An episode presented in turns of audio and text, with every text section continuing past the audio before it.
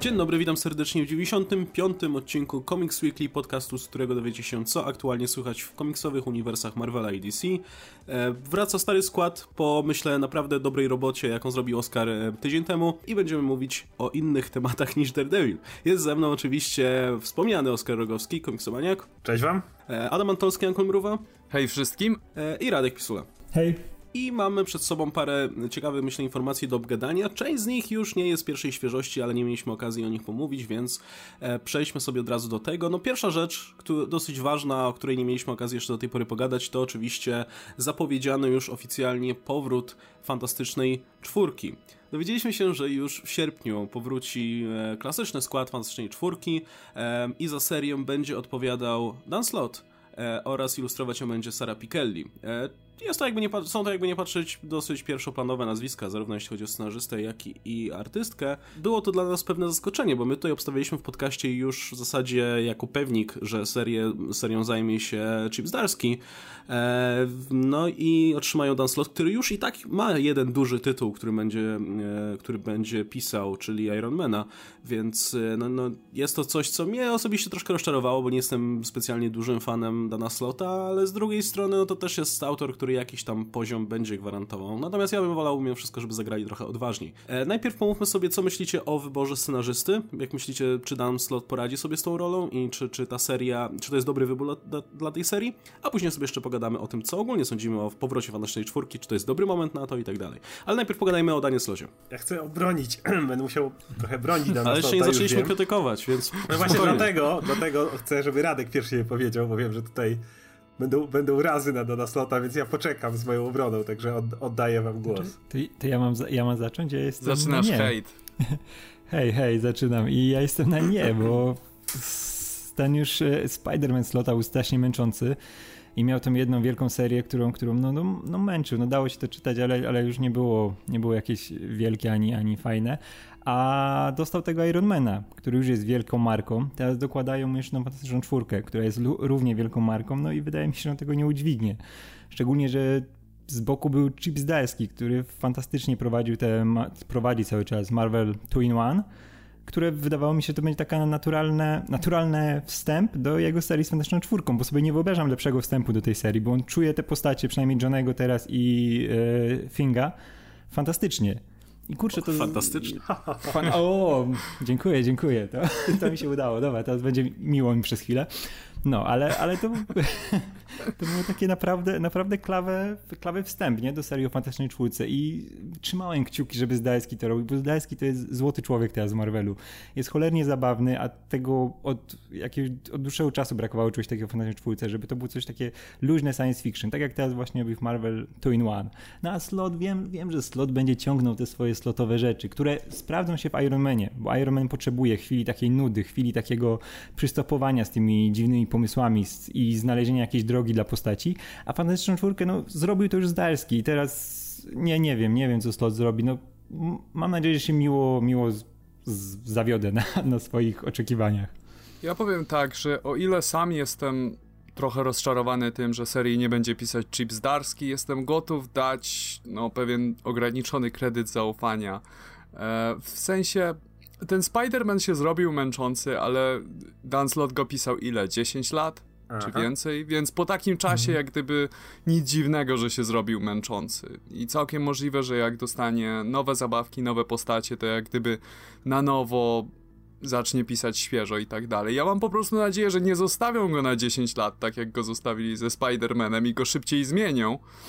I jeśli tak, to ja jestem, ja jestem gotów go przyjąć Ale... na jakiś czas przynajmniej. A co myślisz o tym, że właśnie, że jeszcze ma obok tego Ironmana? No właśnie, nie wiem co o tym myśleć, dlatego, że ja nie mam pojęcia, jak obie postacie poprowadzi, ale nie wiem, zobaczymy po prostu. Jestem gotów dać kredyt mhm. zaufania mu. No ja I, też, ja, wiesz, i, ja też mówię. I nie będę hejtować w tym momencie, że o, to na pewno będzie psało, aczkolwiek też mi się wydaje, że dużo logiczniejsze i lepsze dla tej serii byłoby wybranie Chipa Zdarskiego. Mhm. Żeby, żeby nie było, ja nie mówię, że wiesz, że to na pewno będzie stało, bo ja dalej Slota lubię. Tylko, tylko no, Zdajski zrobił taką robotę z tym wstępem, że no, wydawało mi się, że on sam chce, żeby mu dali tą fantastyczną czwórkę, no a nie dali mu, no zobaczymy okay, czy, czy, kłóca, czy będę się wykłócał, że Zdarski byłby lepszym wyborem? Oczywiście, że nie. To nie ma o czym mówić. Jego tu One jest świetne, ale jestem przekonany, że Zdarski dostał inną serię wcześniej niż to dostał Fantastyczną Czwórkę, ponieważ, jak może kojarzycie, niedawno było ogłoszenie, że Zdarski podpisał z Marvelem Exclusive. I myśleliśmy, że w związku z tym jest Fantastyczna Czwórka. Skoro podpisał z Marvelem Exclusive, to nie po to, żeby kontynuować jednego Spidermana swojego, tego Spectacular, i, bo tu One się zaraz skończy. Więc Zdarski na pewno pisze inną serię po prostu. Moim zdaniem to nie musi wcale świadczyć o tym. Nie wiem, czy pamiętasz, był swego czasu news, że Jeff Lemire podpisuje ekskluzywny kontakt z Marvelem e, i poza tymi swoimi seriami niezależnymi pisał tylko dla Marvela i z tego jego pobytu w Marvelu nie wyniknęła żadna duża seria, nie dostał żadnego dużego tytułu, może poza tymi X-Men, który, których i tak bez przesady, no tam to była taka seria, która akurat pojawiła się w tym konkretnym okresie. Poza tym pisał same mniejsze rzeczy i, i tyle. Kto wie, czy Zarski też po prostu nie podpisał tego kontraktu i nie będzie pisał mniejszych serii bez, wiesz, obietnicy, że dostanie jakiś naprawdę duży, pierwszoplanowy tytuł, więc... E, Ważna uwaga tutaj. tutaj. Oskar, e, te kontrakty nie zawsze podpisuje się po to, żeby scenarzysta pisał jakąś serię dla ciebie. Mm. Czasami podpisuje się je po to, żeby nie pisał żadnej dużej serii dla konkurencji. Jak, jak, jak Claremont do dzisiaj. Tak, ale, Claremont tak ale ma, powiedziałeś, nie? że nie dostaje dużych serii, natomiast e, to, mi, to dla mnie nie jest problemem. Lemire pisał sporo naprawdę fajnych. Y, Thanosa pisał, pisał y, Old Man Logana, ten jego, ta jego część była naprawdę fajna. Mm, oczywiście Moon Knighta. Jeżeli Zdarskiemu dadzą mniejsze serie, po prostu więcej niż to, to czemu nie? Ja, ja jestem za. Natomiast, y, także mówię, wydaje mi się, że tak, wolałbym, żeby Zdar... jeżeli mam wybrać slot czy Zdarski, oczywiście, że wolę Zdarskiego, ale i tak uważam, że Zdarski coś dostanie. Natomiast, jeżeli już mówimy, jeżeli już dostajemy slota, to według mnie to jest gość, który nawet po 9 latach dalej potrafił znaleźć jeden czy dwa dobry story arc na jakiś czas w swoim Spider-Manie. Według mnie to jest też coś, co, o czym wiele osób zapomina, że gość faktycznie pisał to 10 lat i nawet po takim czasie ja nie wyobrażam sobie, jak w ogóle można mieć pomysły na postać po pisaniu czego, ta, tak, tak długim. A on od czasu do czasu, kląt konspiracji było niczego sobie. To kiedy on to pisał? W dziewiątym roku pisania Spidermana? Całkiem no, cały czas nie Nie przesadzajmy z kląt konspiracji jako jakiś, wiesz, highlight jego twórczości. Ja bym e, podał okay. Spider-Verse. Spider-Verse to był gdzieś rok siódmy, więc cały czas zdarzało mu się mimo wszystko. Tak, też nie chciałbym, żeby pisał to kolejne 10 lat. No plus według mnie pisał rewelacyjnego Silver Surfera. Ja wiem, że wy macie inne zdanie co do niego, ale ja uważam, że to jest jedna z w ogóle moich ulubionych serii. Tak, Mike Allred robił tam robotę i bez jego rysunków to wiadomo, że ten Silver Surfer nie byłby nawet w połowie tak dobry, ale mimo wszystko razem z Lotem stworzyli naprawdę rewelacyjną serię, którą mi się od pierwszego zeszytu do ostatniego zawsze, kiedy wychodził Silver Surfer, po to sięgałem. I to był właśnie, to były przygody eksploracyjne, nie tylko czerpiące z Doktora Who, co jest oczywiste, ale też z autostopem przez galaktykę i różnych innych źródeł. I to się mi czytało rewelacyjnie. I według mnie, jeżeli Slot dostałby możliwość tak swobodnego operowania przy Fantasy 4, jak miał przy Silver Surferze, w co nie wierzę trochę niestety, że aż tak dostanie, ale gdyby jednak chociaż zbliżony do tego mógł mieć, to taką eksploracyjną historię Fantastycznej Czwórki ja bym z przyjemnością poczytał. No, mnie szczerze mówiąc ten fakt, że pisał e, Sylwester Surfera aż tak nie przekonuje, bo to był fanfic Doctor Who po prostu. Natomiast jeśli miałbym podać jakieś argumenty za tym, że gdyby, ja, to ja może powiem, że ja też nie jestem specjalnie fanem tej decyzji. E, tak jak mówię, no tak, tak jak wspominałem wcześniej, nie, nie sądzę, żeby, żeby to ssało czy coś. Myślę, że będzie na jakimś tam solidnym poziomie. Natomiast ja bym chciał trochę więcej szaleństwa przy okazji Fantastycznej Czwórki. Wydaje mi się, że inni twórcy by myślę więcej czegoś takiego wnieśli, więcej oryginalności, więcej świeżych pomysłów. Takie, tacy ludzie jak, nie wiem, Chips Darski czy Al Ewing myślę, żeby zrobili lepszą robotę. Czysto teoretycznie oczywiście, kto wie jak to wyjdzie na papierze.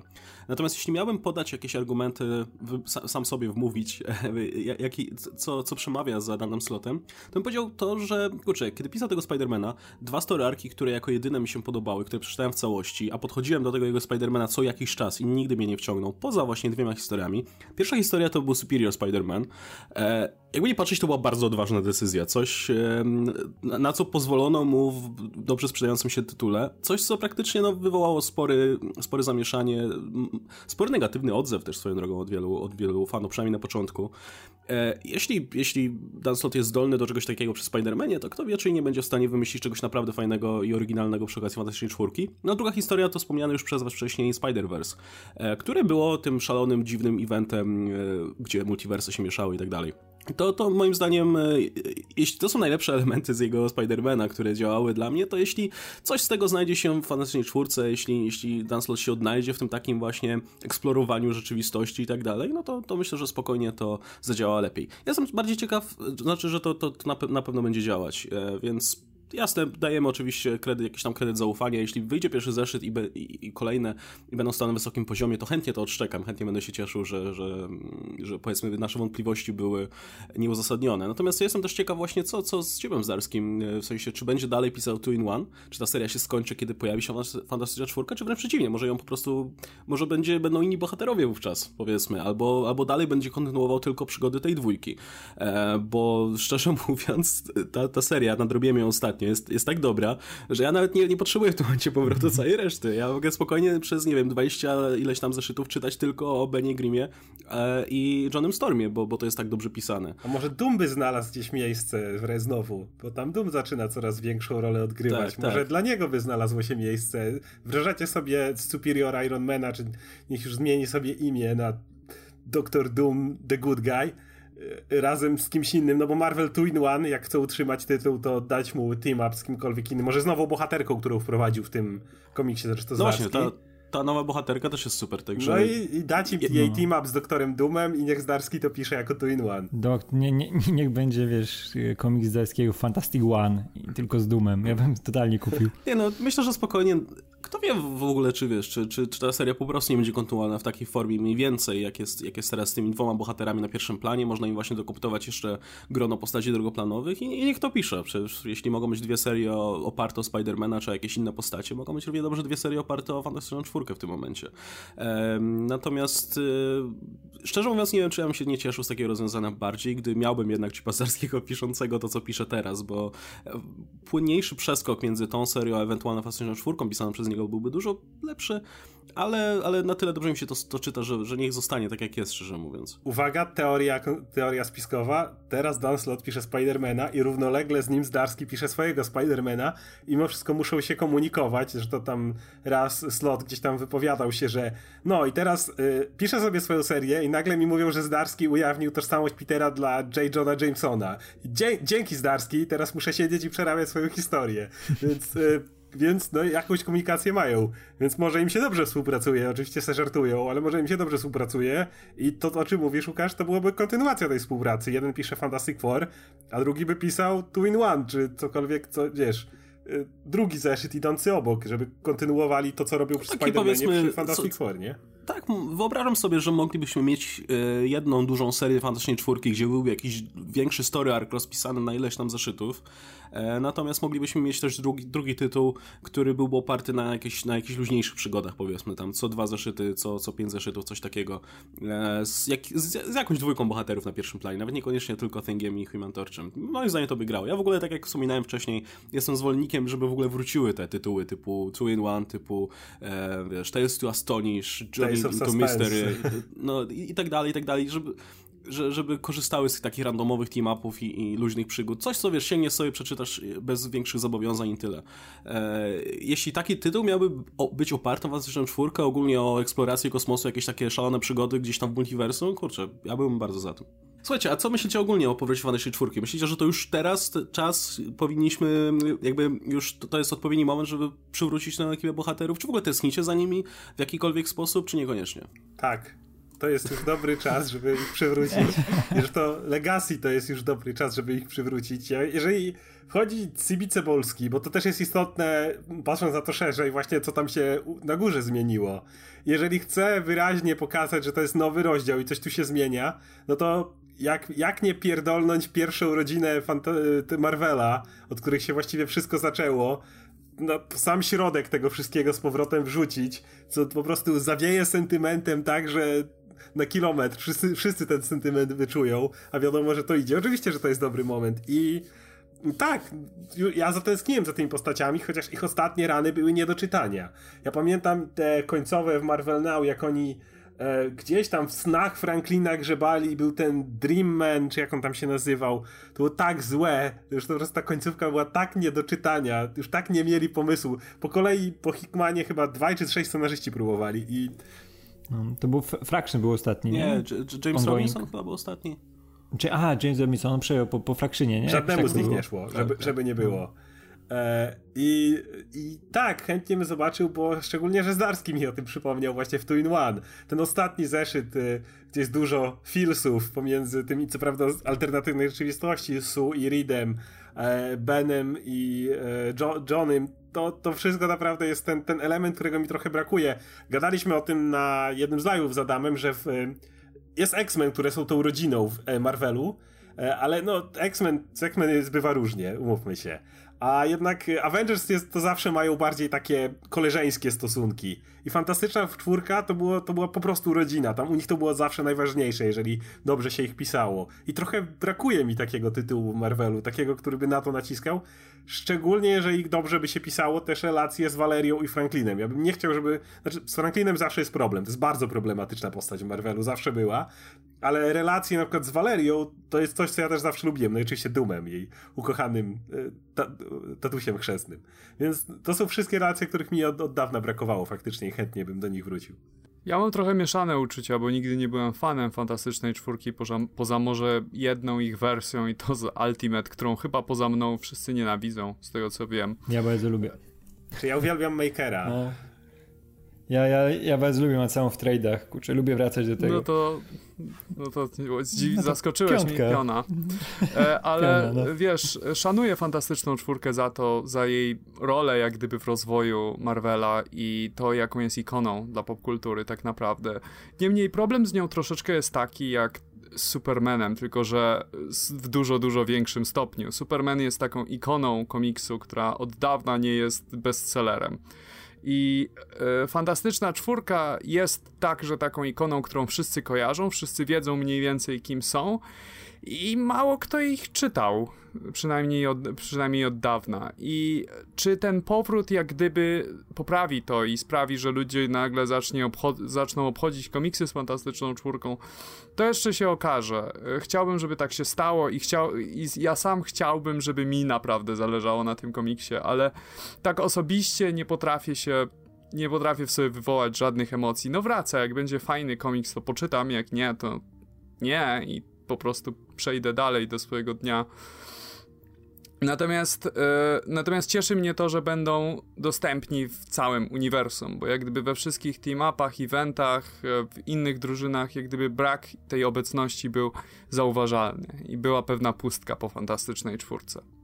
Ja się bardzo cieszę z tego powrotu, bo strasznie lubię, strasznie lubię dużo, dużo ranów z Fantastyczną Czwórką. Uwielbiam ten stary Berna, uwielbiam Simonsona, który jest jedną z najlepszych rzeczy, jaka się kiedykolwiek w Marvelu pojawiła, polecam wszystkim.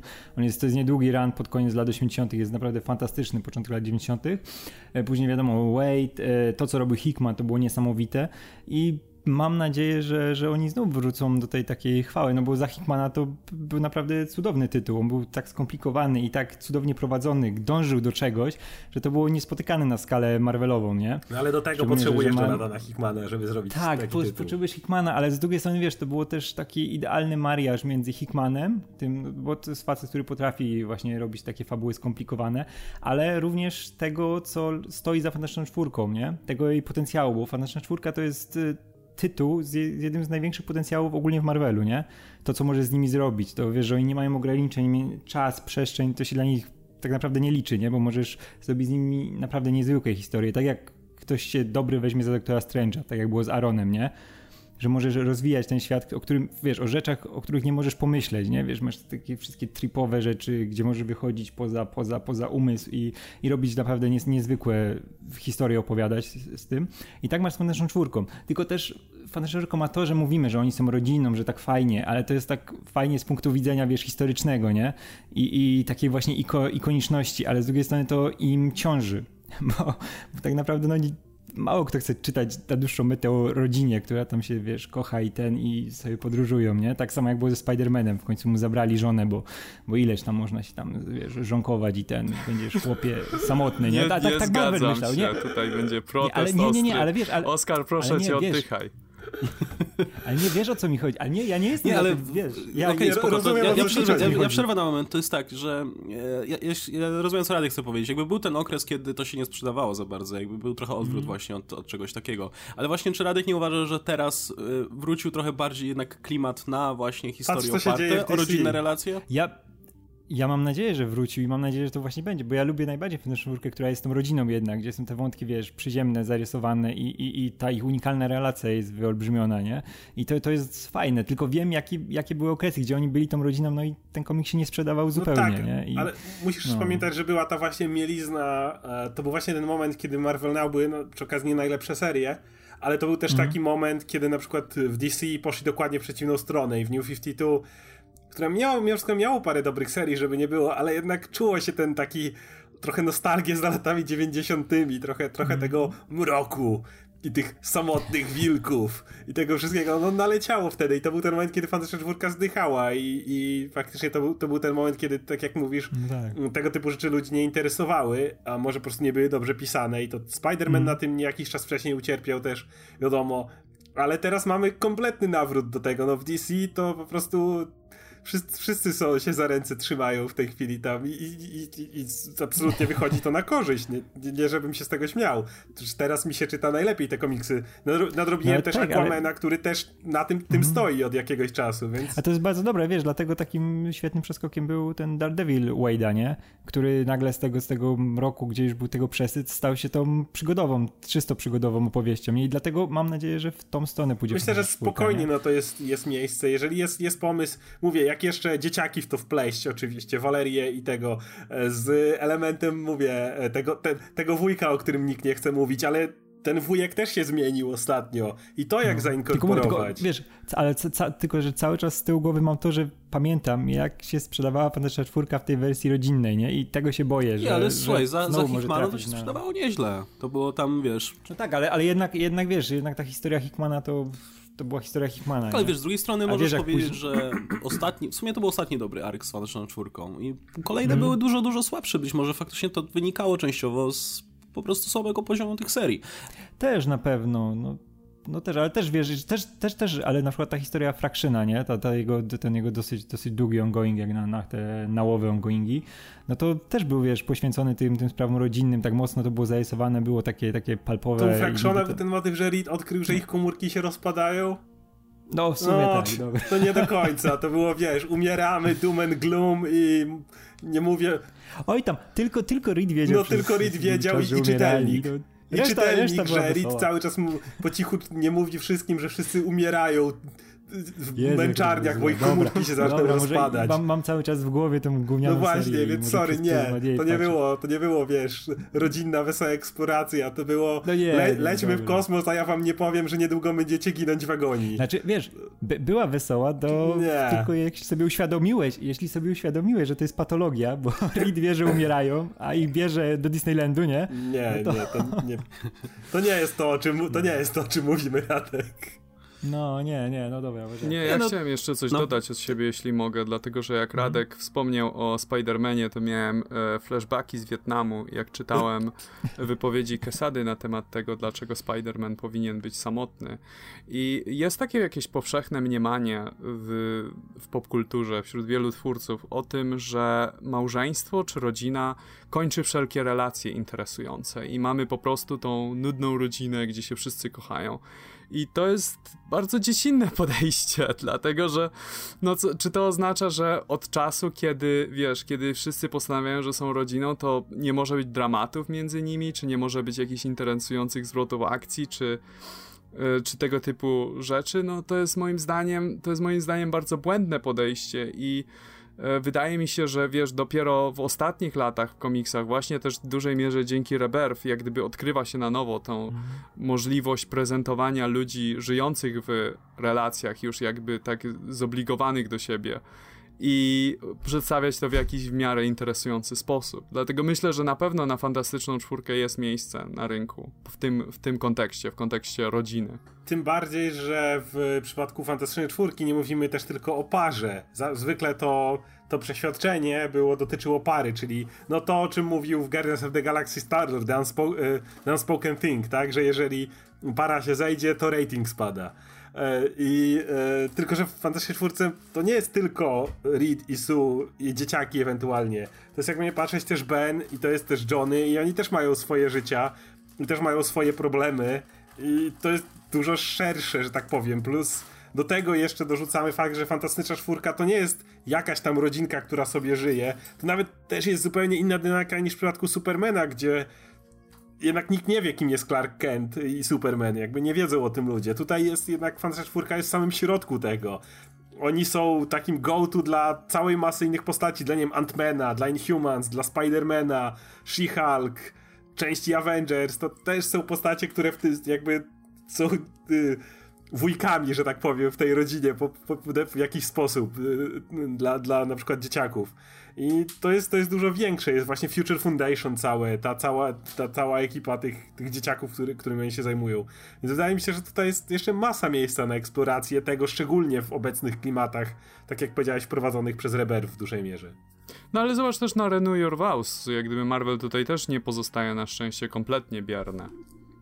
No ale to jest wygodne walnąć sobie Ellsworth. No to oczywi niż... oczywiście, że tak, no ale to jest związane z tym, że nie chcą z jakiegoś powodu bliżej nieznanego ruszać tego mainstreamowego Spidermana, ale wiesz, też Renew Your Vows też jest dobrym przykładem na to, że możesz przedstawić superbohatera w kontekście rodziny, która też jest superbohaterami i zrobić to w interesujący sposób, utworzyć jakieś dramaty pomiędzy nimi, przedstawić ich problemy rodzinne, a nie jest to po prostu nieskończona sielanka. No, w sumie powiedziałem to jako, pamiętam... że Ellswortzik jako coś gorszego, ale z drugiej strony Ellsworth, który ma na tyle wysoką sprzedaż, że do dzisiaj istnieje, to, to w sumie to nie jest to nie jest wada, to nie jest pocisk, to raczej jest coś, co jest no, godne pochwały. Ja pamiętasz jak ten, ale wiesz, że ze Spider-Manem zawsze mieli ten, tą, tą Ellsworthową, wiesz, tytuł zastępczy, w którym Spider-Man miał mieć rodzinę.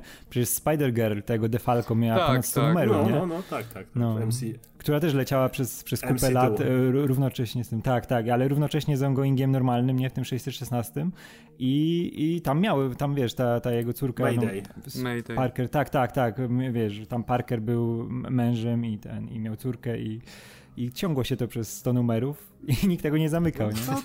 No, nie gadajmy o Spider-Manie, bo będzie tak. po, cały podcast do, o Do Spider-Mana jeszcze dojdziemy przy 800, a teraz przejdźmy no. do czegoś innego. To jeszcze, jeszcze, jeszcze jedną rzecz powiem. To jest wydaje mi się, że dobrze, sporo dobrego w tym kontekście zrobiła ta przerwa mimo wszystko. Jakby masa osób narzekała, że, że zamykają Fantastyczną czwórkę, bo filmy i tak dalej.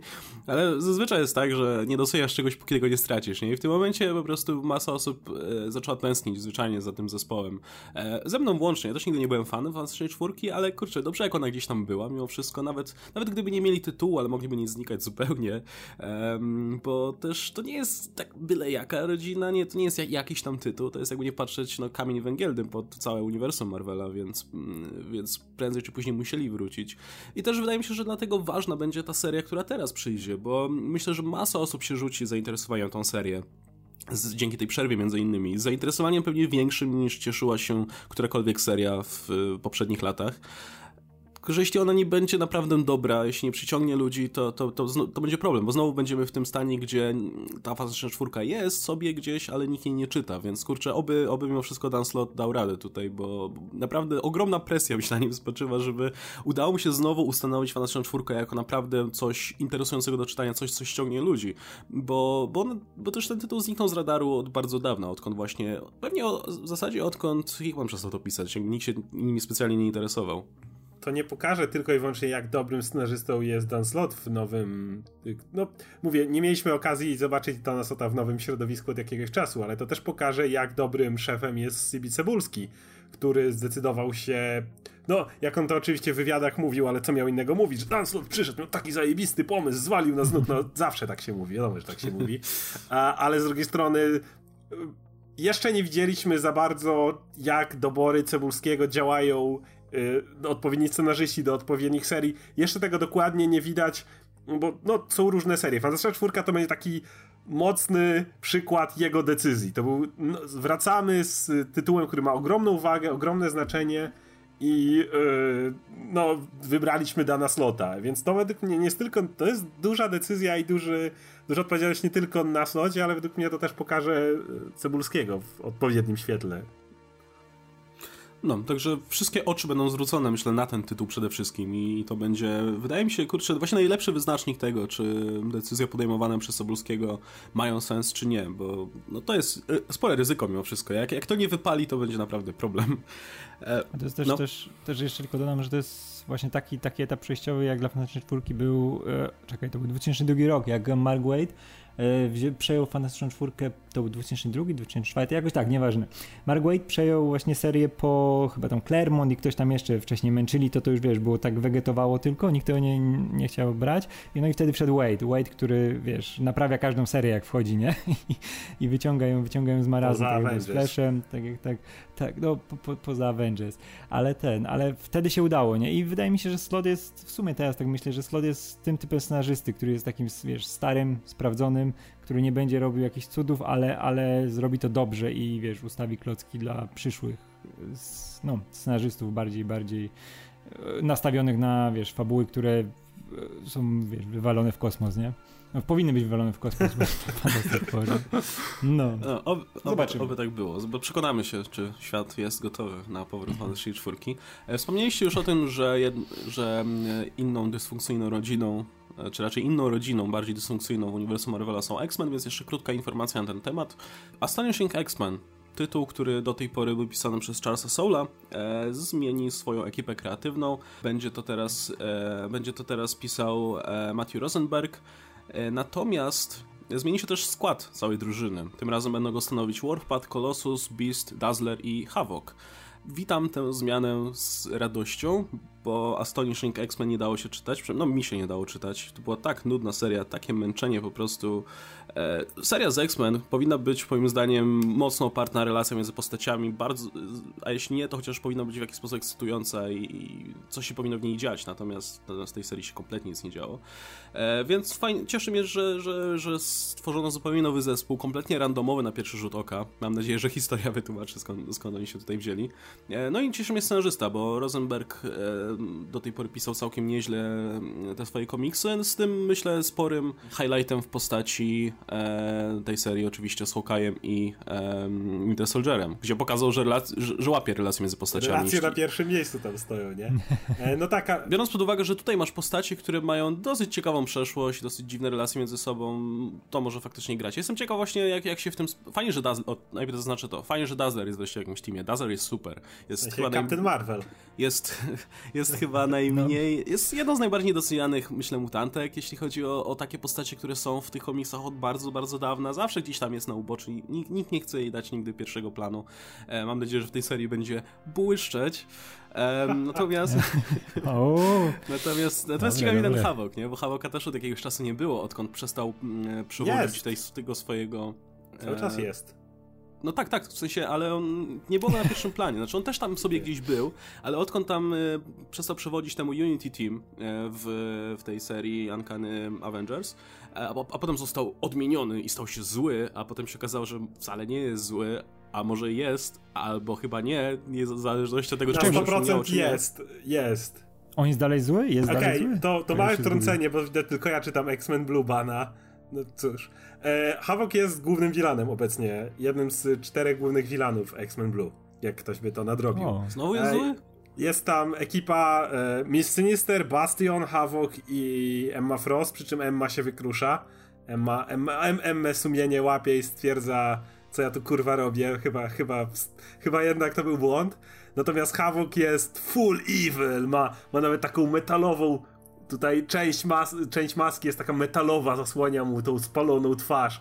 No jak widać tutaj nie ma spalonej twarzy, ale to może Landowi się nie, chciał, nie znalazł nie znalazł spalonej twarzy do odrysowania. Nie, on Bra Brada Pita przerysowywał albo Clooney'a. Także Havok jest stuprocentowym vilanem. To jest, to jest gość, który to jest najlepsze, jak, jak znaczy nawet to jest fajne u Bana, że teraz Ma Magneto jest tam saviorem, no, no to Ban, no, kocham, on nie może nie pisać Magneto jako wiadomo kogo, e, więc i Havok jest cały czas pełni tam bardzo dużą rolę. I jest wyraźnie powiedziane, że dalej Axis go męczy, Lorna powiedziała wprost, że że tak, więc, y, czy, więc przez lata było, może jest, może nie jest, Ban wziął i napisał jest kurwa cicho, tak ma być, lecimy dalej.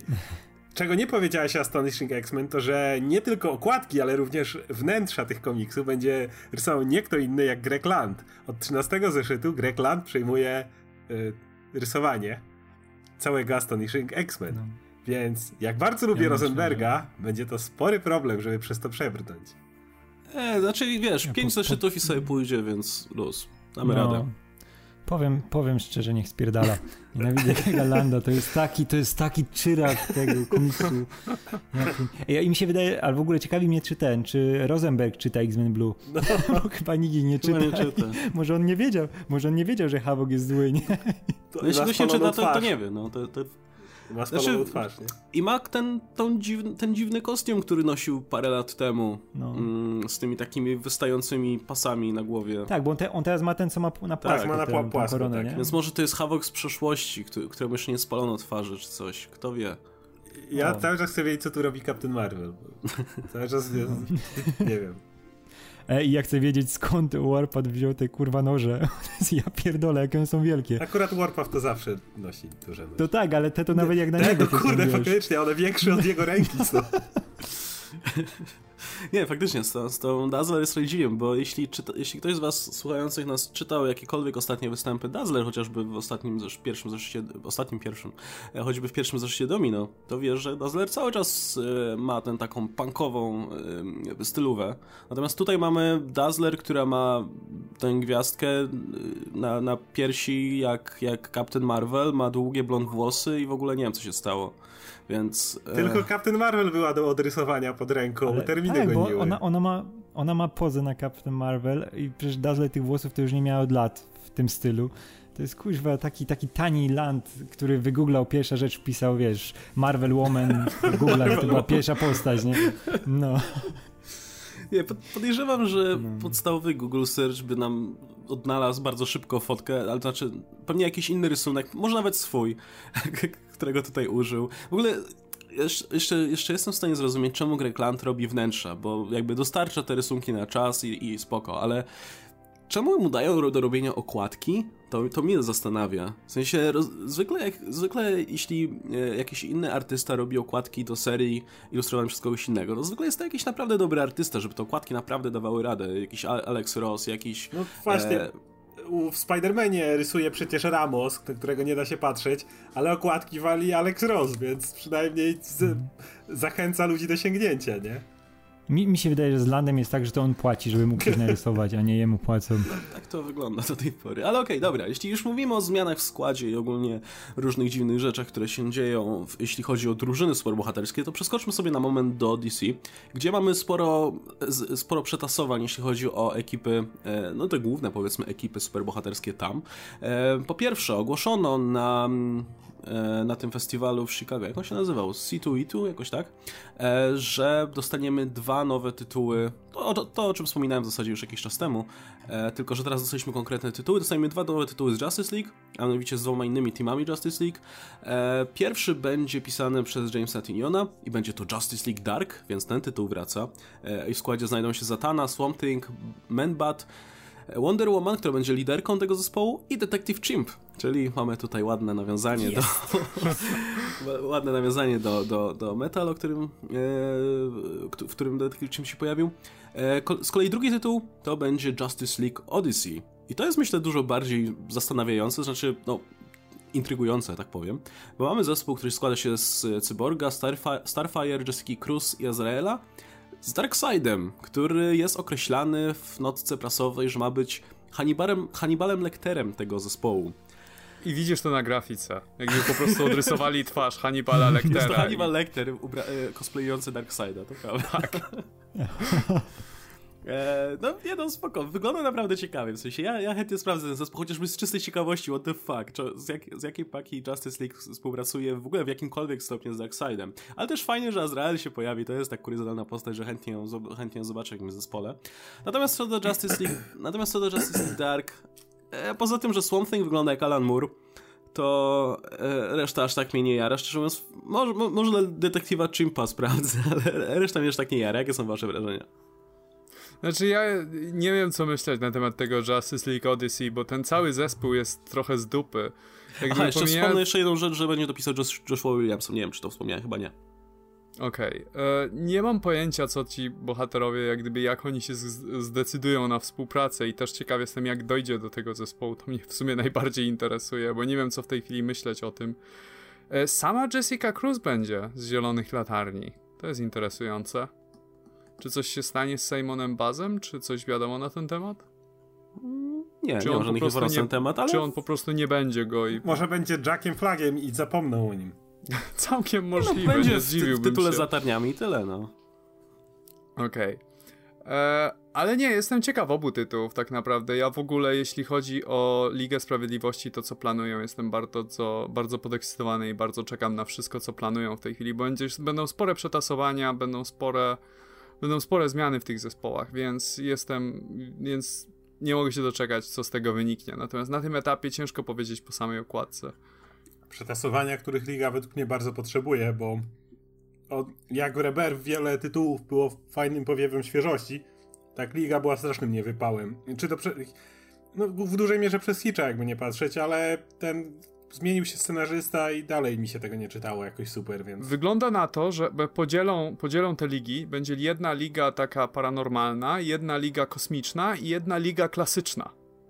Więc każdy, kto, co kto lubi, będzie mieć swój tytuł tylko i wyłącznie dla siebie. Tak przynajmniej to widzę, te trzy zespoły. Także liga potrzebuje przetasowań, yy, ale takie jak te Odyssey, to wiadomo, wszyscy widzą tego Darkseida się zastanawiają, what the fuck. I wszyscy to sprawdzą z tego powodu. Nie wiem, może będzie komik, w którym polubię Jessica Cruz, bo no, jest z tym problem. Natomiast jeśli chodzi o Justice League Dark, to bardzo ciekawi mnie, dlaczego zdecydowali się robić Justice League Dark bez Johna Constantine, który jest teraz dużo popularniejszy niż był kiedyś. Jakby ciekawi mnie czemu, bo to jest taka, taka postać, której ewidentnie brakuje mi w tej drużynie, jak, jak patrzę na nią. Nie wiem, może go dodadzą w trzecim zeszycie i... Myślę, że go dodadzą po prostu. Bo to jest jednak... z nim zaczynać. Ale to jest, to jest dla mnie taki duży, duży znaczy, brak. Mi się wydaje, że mi się wydaje, że może być tak, że Konstantin zmieni po pierwszym arku Wonder Woman jako, jako ten dowodzący razem z Zataną pewnie. A Wonder Woman jest po to, żeby, wiesz, wybić ten tytuł, żeby ktoś go kupił. No, no, wiesz no, co? bo wiesz, po filmach i ten. Jakby na okładce był John Constantine, to by była każda edycja ale, Justice ale League Dark tak. do tej pory. Więc wydaje mi się, że chcą w jakiś sposób odróżnić się. Detective Team był do tej pory w częściach Dark Justice League? Dark? Nie pamiętam, No właśnie, bo... Nie, nie. Czy, czy, ale jakby na, jakby na przodzie był John Constantine, to by była jak mm. każdy, wiesz, okładka każdego Justice League no, Dark Tak, ale, John, ale właśnie o to chodzi, że John Constantine dla mnie jest esencjonalną częścią tej ekipy. Tak jak ciężko robić dzisiaj, y, myśleć o przynajmniej, chociaż y, Justice jedna drużyna chociaż musi mieć Batmana i Supermana dzisiaj. Tak wydaje mi się, że Justice Dark musi no. mieć Johna Constantine. Nie, mogę się mylić. Nie, to jest Sprawdzę. bardzo dobrze, bardzo dobrze, że robią coś innego, no, z innym zespołem. Ja bym chciał, żeby ta Wonder Woman tutaj została, bo to nie jest postać, którą bym, wiesz, myślał na pierwszy rzut oka o y, liderce drużyny tak, Justice tak, League ja Dark i bardzo dobrze, nie próbują nowych rzeczy. Ja się zgadzam, tylko właśnie ja się boję, że, no, że ona jest po to, żeby zboostować ten tytuł na początku, nie? Bo jest, Może być. Wiesz, ta Dash Wonder Woman to ona jest jednak najbardziej, no, przez filmy jest tak rozpoznawalna, że sprzedać i nawet tak niszową rzecz, nie? I ciekawi mnie, jak to pójdzie, ale mam nadzieję, że też żona zostanie. I strasznie czekam na ten, na, na tą Justice League Dark, bo boję się Tyniona, bo Tynion mnie wkurwia często i to tak bardzo. Ale z drugiej strony wiem, że jak mu się chce, to mu potrafi wyjść komiks, tak jak na przykład pierwszy trade e, Detective Comics. Był no, całkiem no, okej. Okay. No tak, później, później się to posypało i tutaj też się tego boję, ale też mi się wydaje, że to będzie akurat taki komiks dark, że tam się będą często zmieniali scenarzyści, bo, bo żeby sobie, wiesz, opowiadać historie jakieś horrorowate, nie? No zobaczę jak to wyjdzie. Cieszy mnie, że Alan Moore wraca do DC, nie? jego, jego pewnie też bardzo cieszy. Kurwa, ale teraz, teraz mu się otworzą te wszystkie, wiesz, czakry i ten, żeby napierdalać czarami, nie? Kurde, przecież on ich tam, wiesz, jak on przywoła te wszystkie demony tego Lorda Jaszczura i, i ja pierdolę, co tam się będzie działo. Mam nadzieję, że ten, mam nadzieję, że Morrison postawił dobre te, dobre przeciwzaklęcia. Bariery specjalne. No.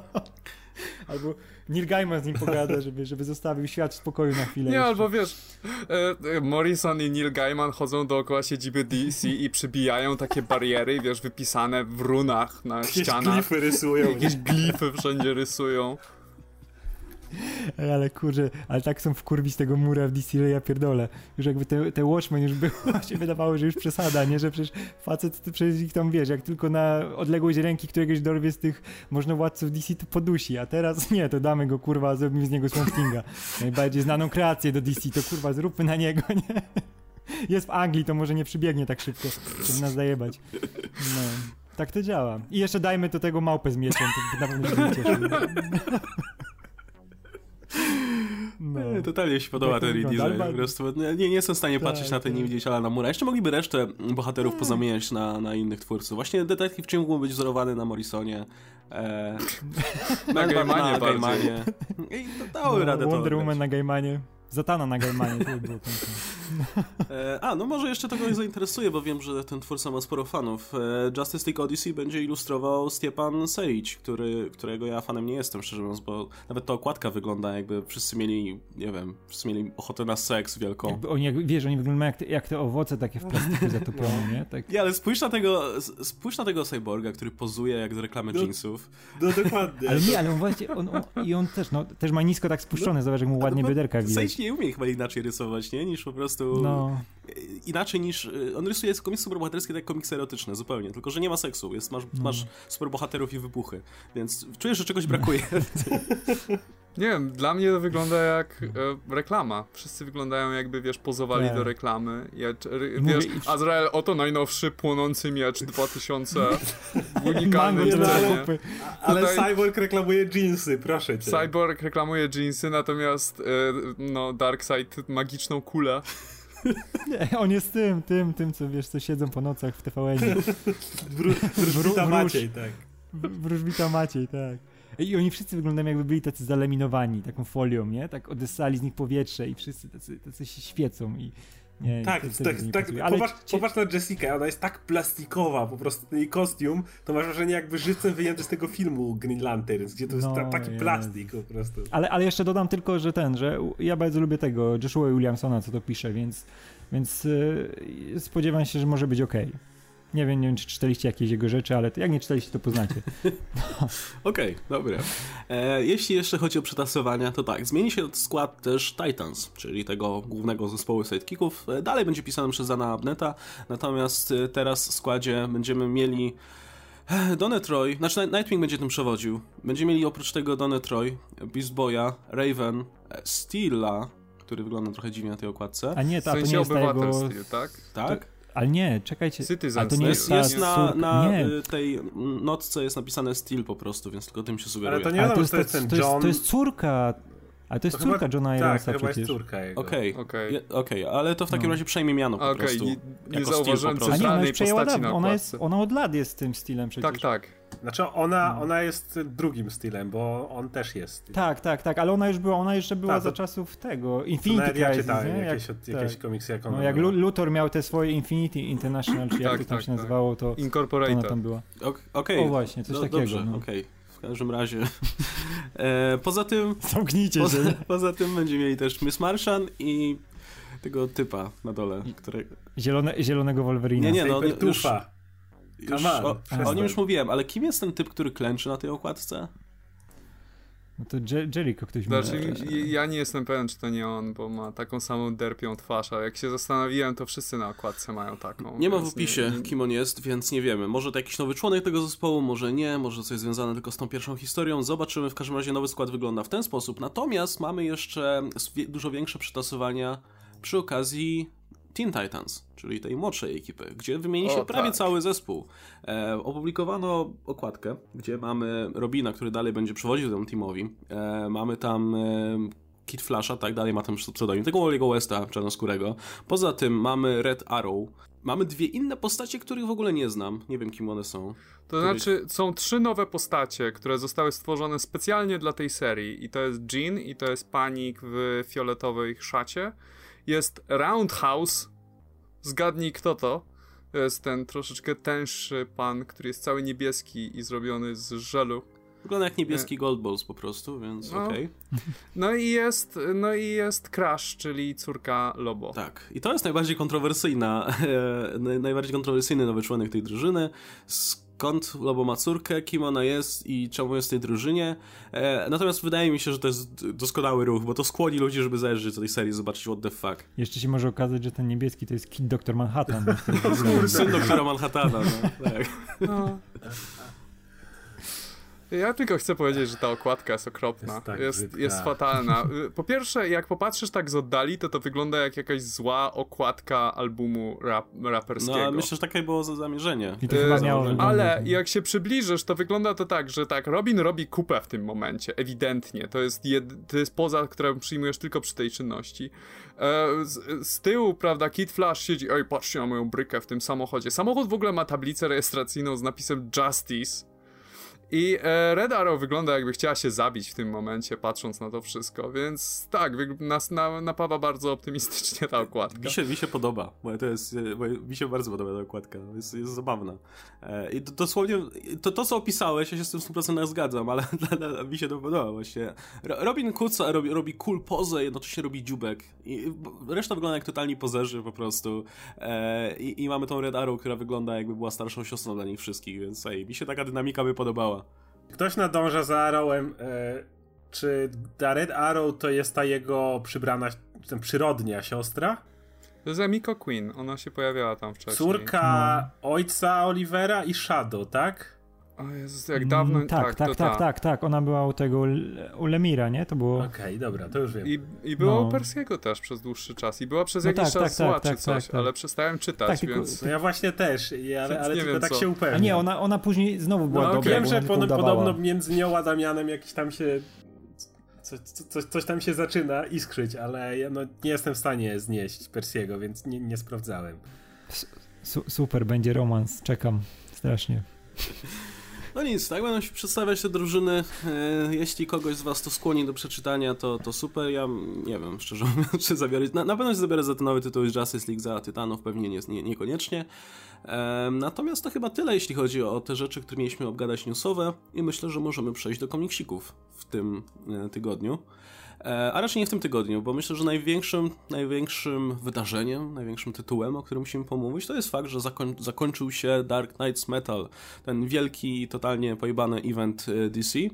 E, I zakończył się mniej więcej tak, jak się zaczął, czyli z pierdolnięciem ogólnie z Batmanem lecącym na wielkim smoko Jokerze, ale też pewnym myślę, ciekawym team-upie, e, który tutaj zaobserwowaliśmy. No i e, prologu, który nam pokazuje też trochę przyszłość, e, no przyszłość ogólnie uniwersum DC, przynajmniej jeśli chodzi o te eventowe rzeczy. Jak, wam się, jak wam się podobał ten finał i ogólnie Dark Knights Metal jako całość? Ja tylko zacznę od tego, że ten zeszyt jest podzielony na dwie części i pierwsza to jest właściwy finał, a druga część to jest e, katalog kolejny reklamowy, reklamujący jak gdyby wszystko, co będzie następne w DC, wszystkie te zespoły i tak dalej i ogólnie zmiany, e, e, zmiany z Justice League. Obie mi się podobały. E, uważam, że wiesz, no o ile finał jest dokładnie taki, jaki powinien być. Był troszeczkę patetyczny w pewnym momencie, wpadał w takie że wszyscy znają serce kart, wszyscy się kochają i po prostu aż wraca do życia dzięki płaczom Pokémonów, ale e, ale było to napisane tak, wiesz, na tyle wiarygodnie dla mnie w kontekście tego komiksu, że to kupiłem i tak, i, i tak czułem w gardę, jak mi ściska powoli. Podobała mi się, podobał mi się mhm. team up, o którym mówiłeś, czyli podejrzewam, że mówiłeś o team upie Batmana i sobie, możemy spoilować, prawda? Tak, jasne. Batmana i Jokera w walce z Batmanem. Batmano Jokerem. Batmano Jokerem, co, co, było, co było, wiesz, fantastycznym sens, pojedynkiem. Nie? Pojedynkiem. No i dostaliśmy pod koniec te rewelacje. E, rewelacje z tym, że ściana rzeczywistości, Source Wall, ściana źródła e, w DC się otworzyła i ma wielką dziurę i coś z niej wycieka i jeszcze nie wiemy co to jest. E, podobało mi się kilka graficznych zagrań, jak na przykład jest ten ikoniczny obraz w DC, w historii DC, ta ręka wychodząca z nebuli, to jest zazwyczaj przedstawiane jako stworzenie wszechświata w DC. I tutaj ten sam obraz został użyty jako takie przejście pomiędzy jedną, his jedną historią i drugą i tak naprawdę ta ręka należy do Alfreda, który po prostu otwiera drzwi. To, wydawało mi się bardzo, bardzo takie szprytne i fajne. I tak, generalnie, generalnie jestem zadowolony. Natomiast jeśli chodzi o, jeśli chodzi o całą serię, no to yy, Dark Knights Metal to jest takie komiksy w pigułce. I yy, jeżeli pod, musisz mieć do tego jakby troszeczkę po, odpowiedni humor i troszeczkę troszeczkę dystansu do tego, żeby to w pełni docenić, dlatego że historia, która się odbywa, jest kompletnie kuriozalna i musisz ją kupić, żeby musisz przyjąć, okej, okay, w co się, wszystko co od tej pory się wydarzy jest prawdziwe, nieważne jak obłąkane by było, bo w momencie jak zaczniesz to cokolwiek to wątpić, to no, no, zorientujesz się jak głupio to brzmi, ale jest też równocześnie fantastyczna przygoda, jest też przepięknie narysowana. Graficznie Metal jest jednym z moich, nie wiem, ulubionych komiksów od dawna. I ta, to jest moja, to jest, wiem, że nie, nie umiem kończyć wypowiedzi. Jeśli chodzi o Metal, to cała historia jest cudowna. To jest coś, czego, nie wiem, nie pamiętam kiedy ostatnim razem czytałem coś tak popierdzielonego, co za każdym razem, kiedy wprowadzano nową popierdzieloną rzecz, stwierdzałem tak, no, no oczywiście, że tak. To jest tam nawet moment, w którym e, no, Snyder po prostu y, jakby sam to przelewa na słowa bodajże Dicka Graysona, kiedy wylatuje Batman na smoku Jokerze i jest ten moment, kiedy y, Damian chyba mówi, że oj, wrócił ojciec, a Dick Grayson mówi, że no, jadąc na smoku Jokerze, because of course he, is. To jest takie, no, bo, bo oczywiście, że tak. I to było super. Cały, cały, cały ten event od początku do końca jakby w momencie, w którym nastawi, na początku ten, miałem problem w, tych, w tym prologu, te dwa e, komiksy, tam było strasznie dużo ekspozycji i problem z nadążeniem, ale kiedy na, ustawisz swój tok rozumowania, kiedy na ten, tę pełną płaszczyznę myślenia wejdziesz i zrozumiesz, że tak naprawdę nic tu nie ma sensu, ale jakby nie o to chodzi, to, to, to nie tym masz się bawić, to się czyta cudownie i po prostu, i tak jak mówisz, to pięknie narysowane, e, no mogę, mogę chwalić Dark Knight Metal i chwalić. Z tym, że z zakończeniem mam jeden problem. Ja mam wrażenie, że tam zeszytu zabrakło po prostu. Zakończenie jest takie, że to nie jest tak jak do tej pory było, że coś wyskakiwało i coś się dzieje, tylko nagle Batman opowiada, co się stało i nie wiem, mam wrażenie, jakby komuś zabrakło czasu, jakby nagle wszystko zostało szybko skompresowane i kończmy, kończmy, kończmy, kończmy. I tutaj nie zdążymy już przedstawić, jak to się dzieje w ten najbardziej popierdzielony sposób. Jak komuś, nie wiem, zaczynałyby wyrastać skrzydła, które zaczęły budować światy, czy cokolwiek by się innego stało, i ludzie zaczęliby wracać do życia. Nawet tego nie widzimy. To jest tylko narracja, jakby masz tylko w momenciach, no i y, skorzystaliśmy z tego nowego metalu, wszystko wróciło do normy, odbudowaliśmy to, bla bla bla. Nie wiem, mam wrażenie jakby, jakby to było, jakby ktoś tam się pospieszy, jakby brakowało czasu i okej, okay, to dajmy, to streśmy zakończenie. I mam z tym problem, tak jak kocham ten, ten event, tak, tak ta końcówka, która nagle się tak nagle urwało, no, dla mnie jest problematyczna, ale to, to, to nie jest wielka rzecz w kontekście całego eventu i tak polecam go i tak uważam, że każdy, kto kocha komiksy powinien to przeczytać, bo to jest pewnego rodzaju laurka dla tych wszystkich pierdolonych rzeczach w komiksach. Ale no mam, mam ten taki mały, ja mam, drobny problem. Ja mam do ciebie pytanie, Oskar. Mówiąc o narracji, którą narrację masz na myśli? Masz na myśli tą Batman Who Laughs na początku, czy tą późniejszą, jak e, wiesz E, gdzie jest na biało pisana i jest, wiesz, we're, we're all a little bit metal i tak dalej. E, to, jeśli... to, to, to, to, to, to, to, właśnie to. To nie, to nie jest Batmana, to jest narracja prowadzona w, z dziennika Cartera Halla, tak, dlatego, tak, że jest tam pod koniec powiedziane, że Carter Hall się obudził, ale zanim poszedł spać i wpadł w jakąś śpiączkę czy coś, to musiał wszystko zapisać, co się działo, dlatego, że Zerknę do komiksu, żebym, żebym umykające... nie, nie pomylił, bo nie widzę dokładnie, o którą chodzi. Ale to jest to, jak oni na koniec trzymają się za ręce e, i, tak. i wchodzi ta narracja i wtedy jest powiedziane, że no, użyliśmy metalu z kuźni światów odbudowaliśmy. udało tak. się wszystko zrobić, także super. Koniec. O no, to, to, jest, to tym, jest ta narracja, z którą mam problem. Z tym, że wszystko, co on mówi, się dzieje przed naszymi oczami. To on po prostu, wiesz, daje y, dobre wiesz, wyjaśnienie dla czytelnika, co właściwie się dzieje.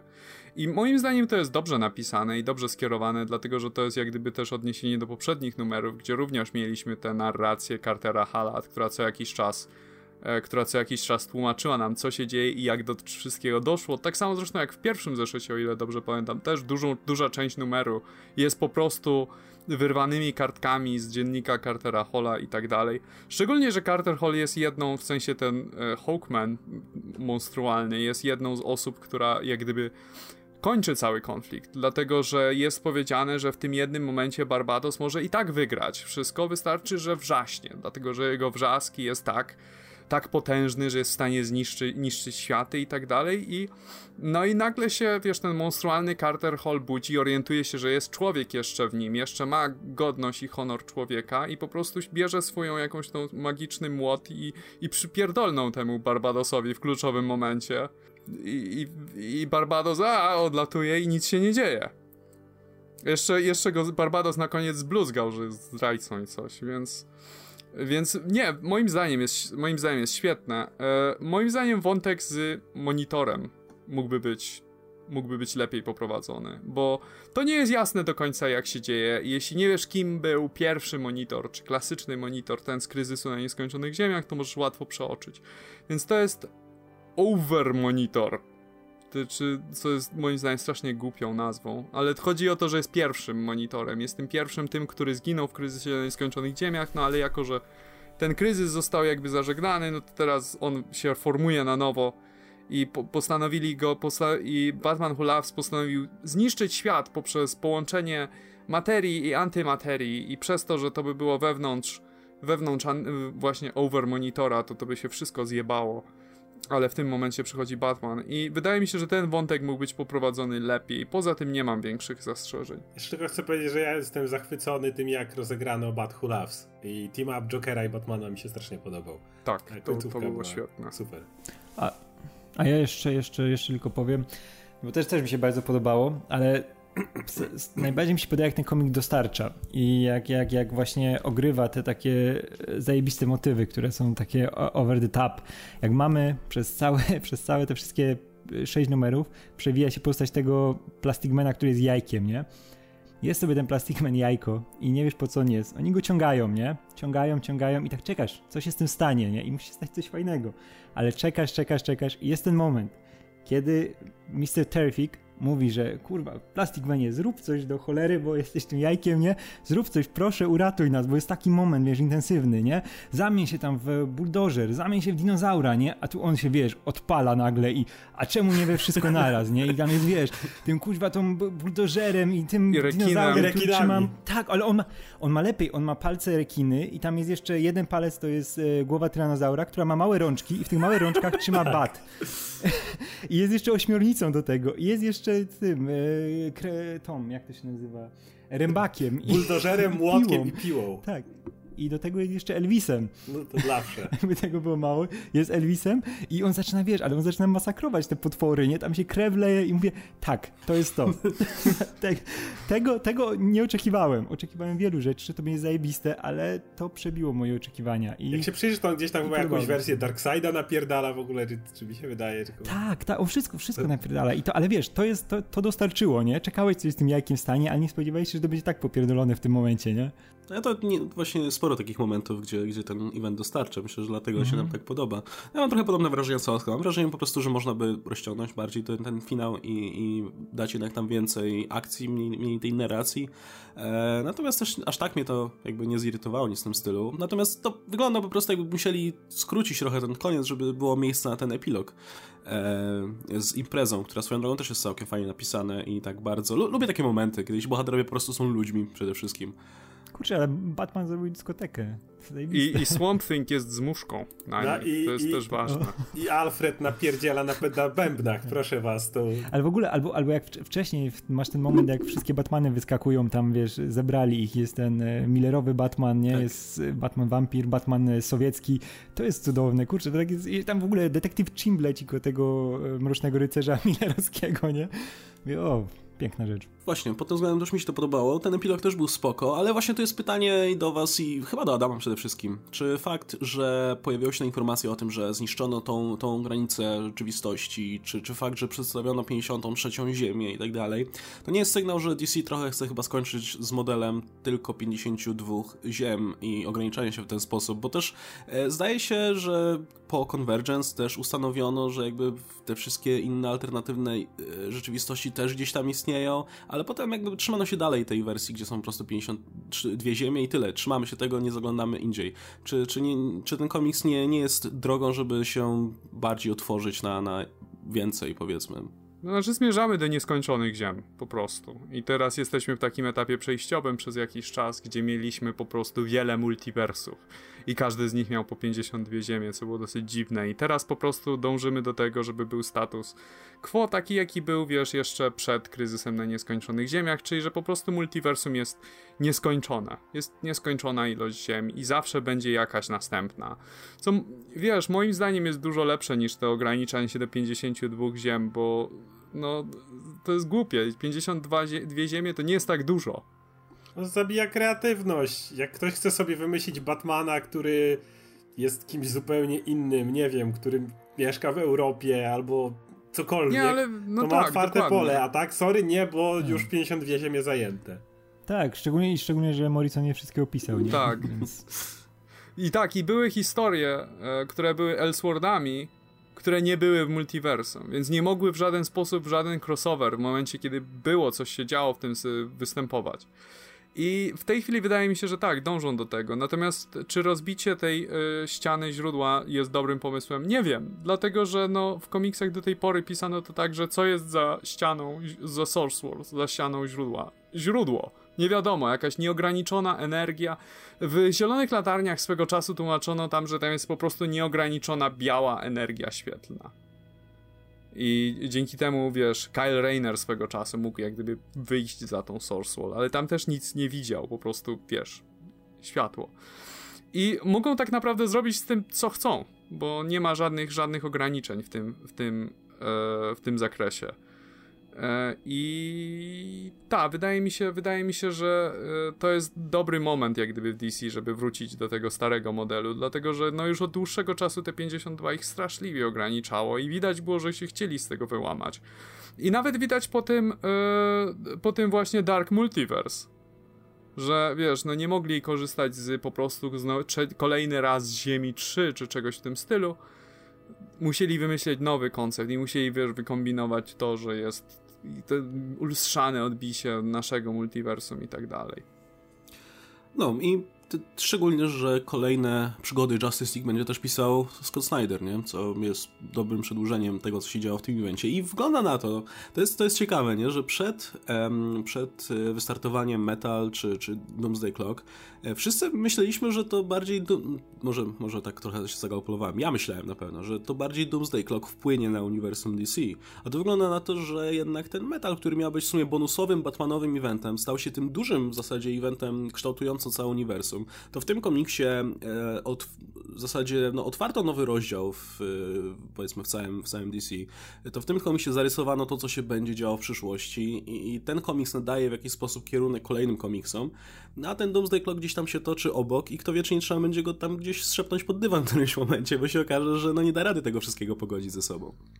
Ja byłem przekonany od początku, że y, Dark Knights Metal będzie mieć dużo większy wpływ na uniwersum niż, niż Doomsday Clock. Więc Doomsday Clock wydaje mi się, wiesz, po prostu dopełnieniem tego jednego faktu, który został wspomniany w Rebirth, czyli wielkiej niebieskiej siły. Natomiast poza tym nie widzę większego wpływu na uniwersum jako takie. Okej, okay. jeśli jesteśmy przy y, temacie Justice League, to na moment skoczmy do Batmana, bo y, jeszcze jeden news, o którym nie wspomniałem, a myślę, że to w sumie i tak jest dobry moment, żeby o tym powiedzieć, to fakt, że Catwoman dostanie swoją solową serię, pisaną i ilustrowaną przez Joel Jones.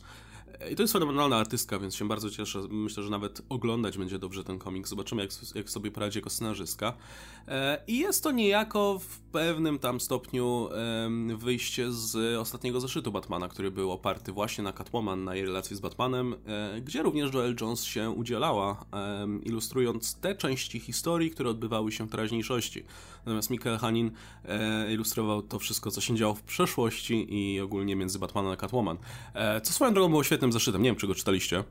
Czytałem. E, I był, był tak, naprawdę tak. fantastyczny, ale to myślę, że będziemy się w tym momencie trochę powtarzać, to jak Tom King świetnie łapie tę relację i jak dobrze mu w ogóle wychodzi pisanie tej Catwoman. E, I choćby, choćby pod tym kątem, ja nigdy nie byłbym zainteresowany, szczerze mówiąc, serią solową Catwoman, E, nigdy nie byłem, szczerze mówiąc. Coś tam poczytywałem z ciekawości, ale żadna mnie nie wciągnęła. Też sama postać mnie aż tak nie interesowała, będąc szczerym. Natomiast po, po przeczytaniu, e, natomiast po tych, duży, po tych wielu występach e, Catwoman i pewnie biorąc pod uwagę, e, i pewnie będzie dalej się pojawiać w Batmanie, e, no to czekam na tę solową serię Catwoman bardzo. E, I myślę, że to też jest do, dobry wyznacznik tego, jak dobrze Kingowi wyszło pisanie tej postaci, w ogóle jego seria. No jestem ciekaw, w jaki sposób ona będzie, jak gdyby łączyć się z Batmanem Bo jak gdyby w tym momencie to będzie, wiesz, konieczne. Tak, je bardzo, bardzo bym chciał, żeby bardzo silnie ze sobą crossoverowały non-stop, jak gdyby, żeby Batman był, wiesz, stale drugoplanowym bohaterem w komiksie Catwoman i Catwoman była stałą drugoplanową bohaterką w komiksie Batmana. E, jak to wyjdzie, bo to by wymagało dużej komunikacji między twórcami, to, to zobaczymy w praniu, ale na razie jestem bardzo optymistycznie nastawiony. Zresztą to jest ten komiks, jak gdyby ostatni, którym wspominałeś, to jest jak gdyby zapowiedź tego. I e, jeżeli to będzie wyglądać tak i na tym poziomie, no to ja kupuję i da, dajcie mi coraz więcej tego. Jest ten motyw w tym komiksie, był w, jak się pojawił ten nowy villain, który zaczął myśleć, że sam jest Bruce'em Wayne'em, ten dzieciak, który tam bodajże rodziców zamordował, czy nie pamiętam. Tak, tak. E, I e, tam był ten motyw, że właśnie za każdym razem wraca Batman do domu. Catwoman się właściwie nie odzywa, ale czujesz tą jej obecność, bo widzisz jak on gada do siebie, jak on tutaj to nie był Two-Face, bo to była ósemka, a ósemka to dwa do trzeciej, a Two-Face nie używa trójek swoich i tam wiesz, nawija to. I ona tam po prostu kładzie się koło niego spać, tak widzisz, widzisz, że wie, że on potrzebuje się wygadać i, i sobie nawija, ale, ale, wie, ale mamy jego perspektywę. Więc ten komik z Catwoman to po prostu mogło być to samo, tylko z jej perspektywy. Ten moment, kiedy właśnie ona wchodzi do domu, a tu Batman siedzi i myśli sobie, no bo tutaj ta krew to była gdzie indziej i w ogóle i, i po prostu co, co Catwoman wtedy myśli, jakby co, co, jak jej dzień wygląda, kiedy wraca do domu i widzi jak Batman swoje te, wpada w swoje te tryby detektywistyczne ciągle w domu, mm. jakby zobaczyć jak, jak, jak ona to postrzega, bo ten komiks przedstawia tylko stronę Batmana i jeżeli tak by to było napisane, właśnie tak jak Adam mówi, że Batman byłby obecny, ale jako właśnie ten drugoplanowy, jako, jako ta postać widziana z innej perspektywy, to chętnie bym to poczytał. Catwoman tak dobrze nie była pod swoją serię ustawioną od czasu Brubakera, co było 100 lat temu, nie? I strasznie szkoda by było, jakby ten potencjał e, rozmienili na drobne i spierdolili tą serię. Kurczę, bo jest tak przygotowany właśnie Batman i Catwoman są w takim momencie i King to tak rozpisuje fajnie, że, że, że, tylko pisać tą serię i dalej rozwijać tą ich relację. To ja może mały update zrobię, bo powiedziałem, że nie, e, że jestem ciekaw jak sobie poradzi Joel Jones jako jako scenarzystka. I widzę, że ona współpisała jedną serię z Jamie Richem, ilustrowała również. I to była seria dla Dark Horse pod tytułem Lady Killer. e, którą swego czasu miałem okazję przeczytać i mi się bardzo podobała. To była bardzo ciekawa seria, która brała tę taką estetykę, e, wiecie, Amerykan lat 60., E, gdzie mieliśmy idealną panią domu, dobrą żonę, matkę i tak dalej, która jednocześnie była płatną morderczynią, więc ta, ta taka sielankowa atmosfera była zmieszana z takim ostrym exploitation i to było, to było cudowne. E, to było krótkie 5 czy 6 zeszytowe, więc jeśli ktoś chce sprawdzić e, jak ilustruje i jak pisze Joel Jones, to, to polecam gorąco i tym bardziej jestem przekonany bardzo na tak, bo, bo, bo to jest jeden z lepszych komiksów z silną, Czekaj, ja, samodzielną ja to, ja bohaterką, jaką czytałem. No, czytałeś? Czytałem, to, to kapitalnie wyglądało, tak, nie? To, to było rysunkowo było takie, tak, tak. Brzmi jak idealny wybór dla Catwoman, szczerze mówiąc. No tak, postać, która prowadzi podwójne życie, idealnie. Ale on, on, ona, ta bohaterka z Lady Killer, ona wyglądała dokładnie jak Catwoman, nie? No, tak, no. Tak, to, to mocno mi przypominało, ale teraz nie, nie pamiętam, nie googlam teraz, ale, ale pamiętam, że no, wyglądała jak Catwoman. To, ej, to jest zajebisty wybór. Ja teraz, ja teraz googlam i sprawdzam, czy, czy Radek nie kłamie. Nie no, czy ja wiem, no wygląda jak housewife z lat 50 -tych, 60 Ale podobna jest do Kadłubia. No jest brunetką. I ma zielone oczy. I... Półkrótkimi włosami, więc... Ej, czekaj, jest, jest, jest przebrana za kota. I była w jednym, właśnie pamiętam, że w jednym numerze. A je, tak, faktycznie, nawet w pierwszym chyba się pojawiła na tym party takim jako, tak, jako taki kociak. Na końcu, tak, i przebrana za kota, no mówię ci, znaczy, że... Przebrana za kota, wiesz, to miał być taki... No zaczynam... To był kostium w stylu no, tak, tak. Playboya, tylko że kot, więc... Ale nie, no komiks był fantastyczny, świetnie napisany, jeszcze lepiej zilustrowany, więc e, teraz sobie właśnie skojarzyłem dopiero, więc kurczę, tym bardziej czekam na tę serię. Jeśli, jeśli, jeśli przeniesie coś z zajebistością tego komiksu na Catwoman, to, to jestem cały za i faktycznie to się wydaje tym bardziej lepszy wybór. Więc super. wreszcie coś pozytywnego w 100%. E, dobra, mamy dwie serie jeszcze z Marvela, jedyneczki, o których sobie musimy powiedzieć. To może zacznijmy od Domino, jak już mówimy. Nie, powiedzmy o Domino, jak już mówimy o bohaterkach i solowych seriach z bohaterkami, to zacznijmy od Domino. I muszę powiedzieć, że to jest seria, która mnie zaskoczyła pozytywnie, bo tak podchodziłem trochę do niej jak pies dojeżdża, tylko z obowiązku, bo nie, nie, nie, nie przepadałem nigdy za Domino. Zawsze mi wydawała się wyjątkowo nudną bohaterką. E, pod każdym względem w zasadzie. Co oczywiście było bardziej winą komiksu, w jakiejś występowała niż postaci samej w sobie. I tego dowodem jest ten komiks, który myślę, że bardzo fajnie pokazuje Domino od tej takiej bardziej no, ludzkiej strony. To z, mamy w tym komiksie zarówno akcję, e, typową komiksową akcję, gdzie Domino jest w trakcie jakiejś tam swojej misji, jak i jej relacje właśnie z innymi bohaterami, z jej najbliższymi przyjaciółmi, a sam komiks kończy się tym, że Domino wypada z okna i ma za chwilę umrzeć, więc hej, jeśli to nie jest dobra rekomendacja, żeby e, jeśli to nie jest coś dobrego, jeśli to nie jest rekomendacja, żeby, żeby zacząć tę serię czytać, to nie wiem, co jest lepszą. To jest y, naprawdę fajnie napisana seria. Ja jestem akurat fanem Domino, aczkolwiek no nie jak pisze ją Greg Pak. Greg Pak e, w swoim tym. Co to jest? Weapon X to się nazywa? Ta obecna e, seria? Tak, Gdzie tak. Domino to jest ojej, okradnijmy bank, o, okradnijmy bank, to pójdźmy tam i okradnijmy bank. Domino, umiesz mówić coś innego? Okradnijmy bank? To jest wszystko, co, co, co generalnie mówi Domino, więc pomijając tak, że Greg Pak, zdarzało się E, kilka razy jak Domino podała fajnie. Ja uważam, że to jest zawsze interesująca postać, tylko no, zgodzę się z tobą, Łukasz, że nie miała szczęścia do, do, do e, scenarzystów. Plus e, większość traktowała ją po macoszemu, to była raczej drugoplanowa postać. Raczej nie widzieliśmy nigdy historii z perspektywy Domino, tego co ona myśli, co ona przeszła. I tak, ja chętnie ch chciałem się tego dowiedzieć, bo, bo mnie Domino jako postać zawsze, zawsze fascynowała. I tu się naprawdę to dobrze zaczyna, bo mamy zarówno duży niepokój pod koniec, mamy sporo humoru, ale y, mamy ustawione od razu, jeżeli ktoś kompletnie nie zna Domino, to jest idealny komik, który może wskoczyć, bo od razu mamy jej background. Y, tutaj naprawdę zadbano o to, że y, nikt nie, nie wziął tego, że ej, Domino, przecież każdy wie, kim jest Domino, nie? Każdy dobrze zna Domino, jej znajomy. No oczywiście, że nie. Więc wszystko mamy to idealnie przedstawione, kim są jej przyjaciółki, najbliższe otoczenie. Nawet e, są te fajne momenty, ponieważ jest to impreza urodzinowa, jest kilka takich szybkich wspomnień, jakby ktoś, ktoś chciał wiedzieć o co chodzi, na przykład mm, kiedy mówi do niej e, Outlaw, o patrz, galeria twoich byłych i masz Kolosusa, Cable'a i Warpatha i wszystko wielkie chłopy takie, nie? I to jest takie od razu, od razu wiesz, masz, masz, masz od razu co, co, coś, coś więcej o Domino, nie? W takim prostym kadrze i to jest bardzo fajnie komiks, który szyb, szybko ją przedstawia dla osób, które nie wiedzą, kim ona jest. E, plus ta, ta cała narracja z takim bardzo e, takim nihilistycznym trochę podejściem w jej stylu. E, taki, no to, to wszystko działa i strasznie mi się ten komiks podobał. I na końcu, i na początku, większość tego komiksu to jest przedstawienie, patrzcie, kim jest Domino. I ostatnia, ostatnia chwila, wprowadźmy twist, wprowadźmy jakiś niepokój i, i tego typu sprawy, więc uważam, że on został. Mm, tempo jest świetnie rozłożone w tym komiksie. Ja chciałem powiedzieć, jako osoba, która Domino zna bardzo słabo, jakby ledwo ją kojarzę tak naprawdę. E, byłem pod wrażeniem, jak ten komiks jest napisany, i to właśnie przez to, jak została zarysowany, został fantastycznie zarysowany jej charakter. Nawet nie mam pojęcia, czy ten charakter jest w pełni zgodny z tym, jak była pisana wcześniej, ale mam nadzieję, że był, bo jest naprawdę, do, bo, bo wy, wypada naprawdę dobrze w tym komiksie. E, jest całej, wszystko co musisz wiedzieć, takie podstawy jej origin story, jej relacji, kogo lubi, kogo mniej lubi i tak dalej. Jaki jest jej taki osobisty, lekki dylemat z jej mocami. Taki, że no nie, nie ma, cały czas czuje, że może te moce mogą się w pewnym momencie wyczerpać i tak dalej, i tak dalej.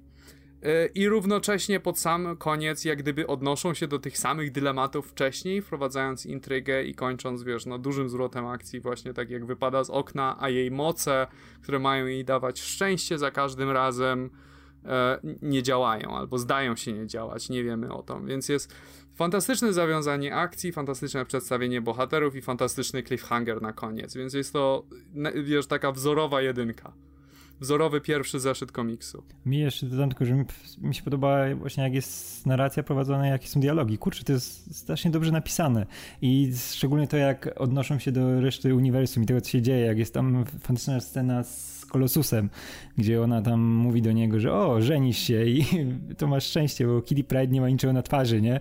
Czy coś, coś w tym stylu. I to jest tak, tak strasznie, strasznie naturalnie wychodzi wszystko z tej postaci, że wiesz, od razu ją polubisz, nie?